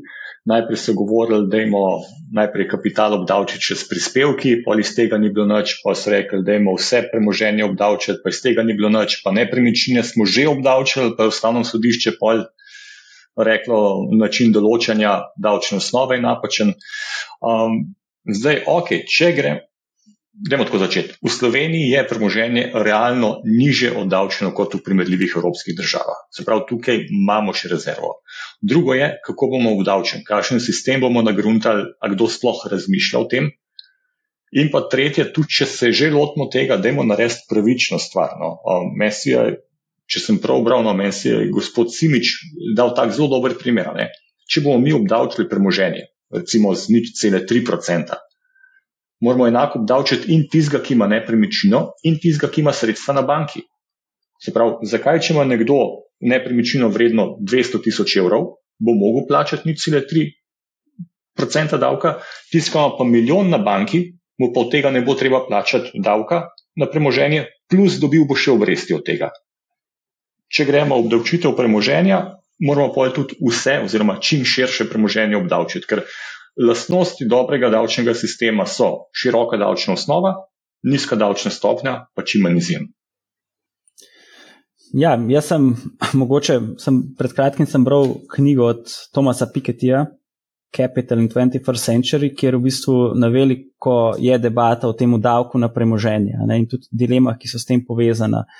Uh, zdaj, Vzemite primer, recimo, da jaz sem lastnik podjetja ne, uh, in kdo bo zdaj odločil, koliko je to podjetje vredno in da bo to predstavljalo davčno osnovo, od katere bomo plačali vem, nič cela tri procenta. Ker če okay, pri delnicah je zadeva mogoče bolj enostavna, ker lahko vsak dan pogledamo, kakšna je borzna cena. Če ste pa vi lastnik nekega podjetja, ki ni na borzi, ne, kaj zdaj to pomeni? Ali bo treba vsako leto delati cenitev družbe, da se bo gotovil, kakšna je davčna osnova. Um, tudi vemo, pri cenitvah so različne metode, lahko pridemo do različnih rezultatov. Um, tako da veliko je enih dilem tukaj. No. Um, potem tudi vprašanje, ne, ali bi mogla biti ta stopnja progresivna, pa recimo reči, ne vem, do vrednosti premoženja milijon je zadeva neobdavčena, šele od milijona naprej se začne obdavčevati.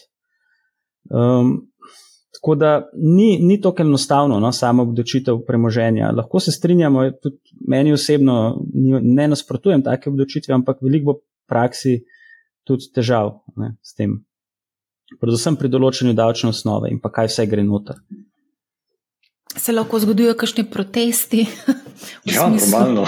A ne, mislim, zdaj, ko ste rekli obdavčitev uh, obresti oziroma denarja na bankah, to ima, koliko imamo, 26-27 milijard, imajo nekateri posamezniki. Ja, ne vem, ja, ne. Sej, če se spomniš, ne, tudi že sama obdavčitev nepremičnin je bila zelo kislo jabolko, v katerega je takratna vlada mogla zagrist. Um, pa so imeli na drugi strani trade-off, ne so rekli, ne bo potem več nadomestila za uporabo stavnega zemljišča, pa davka na um, premoženje, se pravi, tisto za vikende in tako naprej. Um, vse ni šlo tako gladko česa. Ne. Zdaj pa slovencem obdavčiti nepremičnine, pa denar na bankah, kle se lahko zgodi revolt. Mogoče tudi kolesarji, se se hecam. Evo, prišli smo do konca, malo smo razvlekli, uh, veliko zanimivih stvari smo slišali. Iskrena hvala, Jure Ivan, da sta si vzela čas in da, nam, da ste nam pojasnili vse zadeve res dobro. In mislim, da poslušalcem in gledalcem bo zagotovo zelo koristilo uh, pri vlaganju te uh, napovedi uh, konec februarja, 28. ali 29. ne vemo, se se heca, mislim, da je 28. Ivan, ne se reče. 28 rešiti. Ja. Tako da jaz tudi vam želim veliko veselja pri izpolnjevanju obrazcev. Ne, e-davki ne počepnajo 28.10 do ponoči. Bog pomagi, samo ja, 10 do ponoči. Ne. Če se vam to zgodi, boste vlagali 29. pa spremenili vrsto obrazca iz O v I samo prijava. Ja.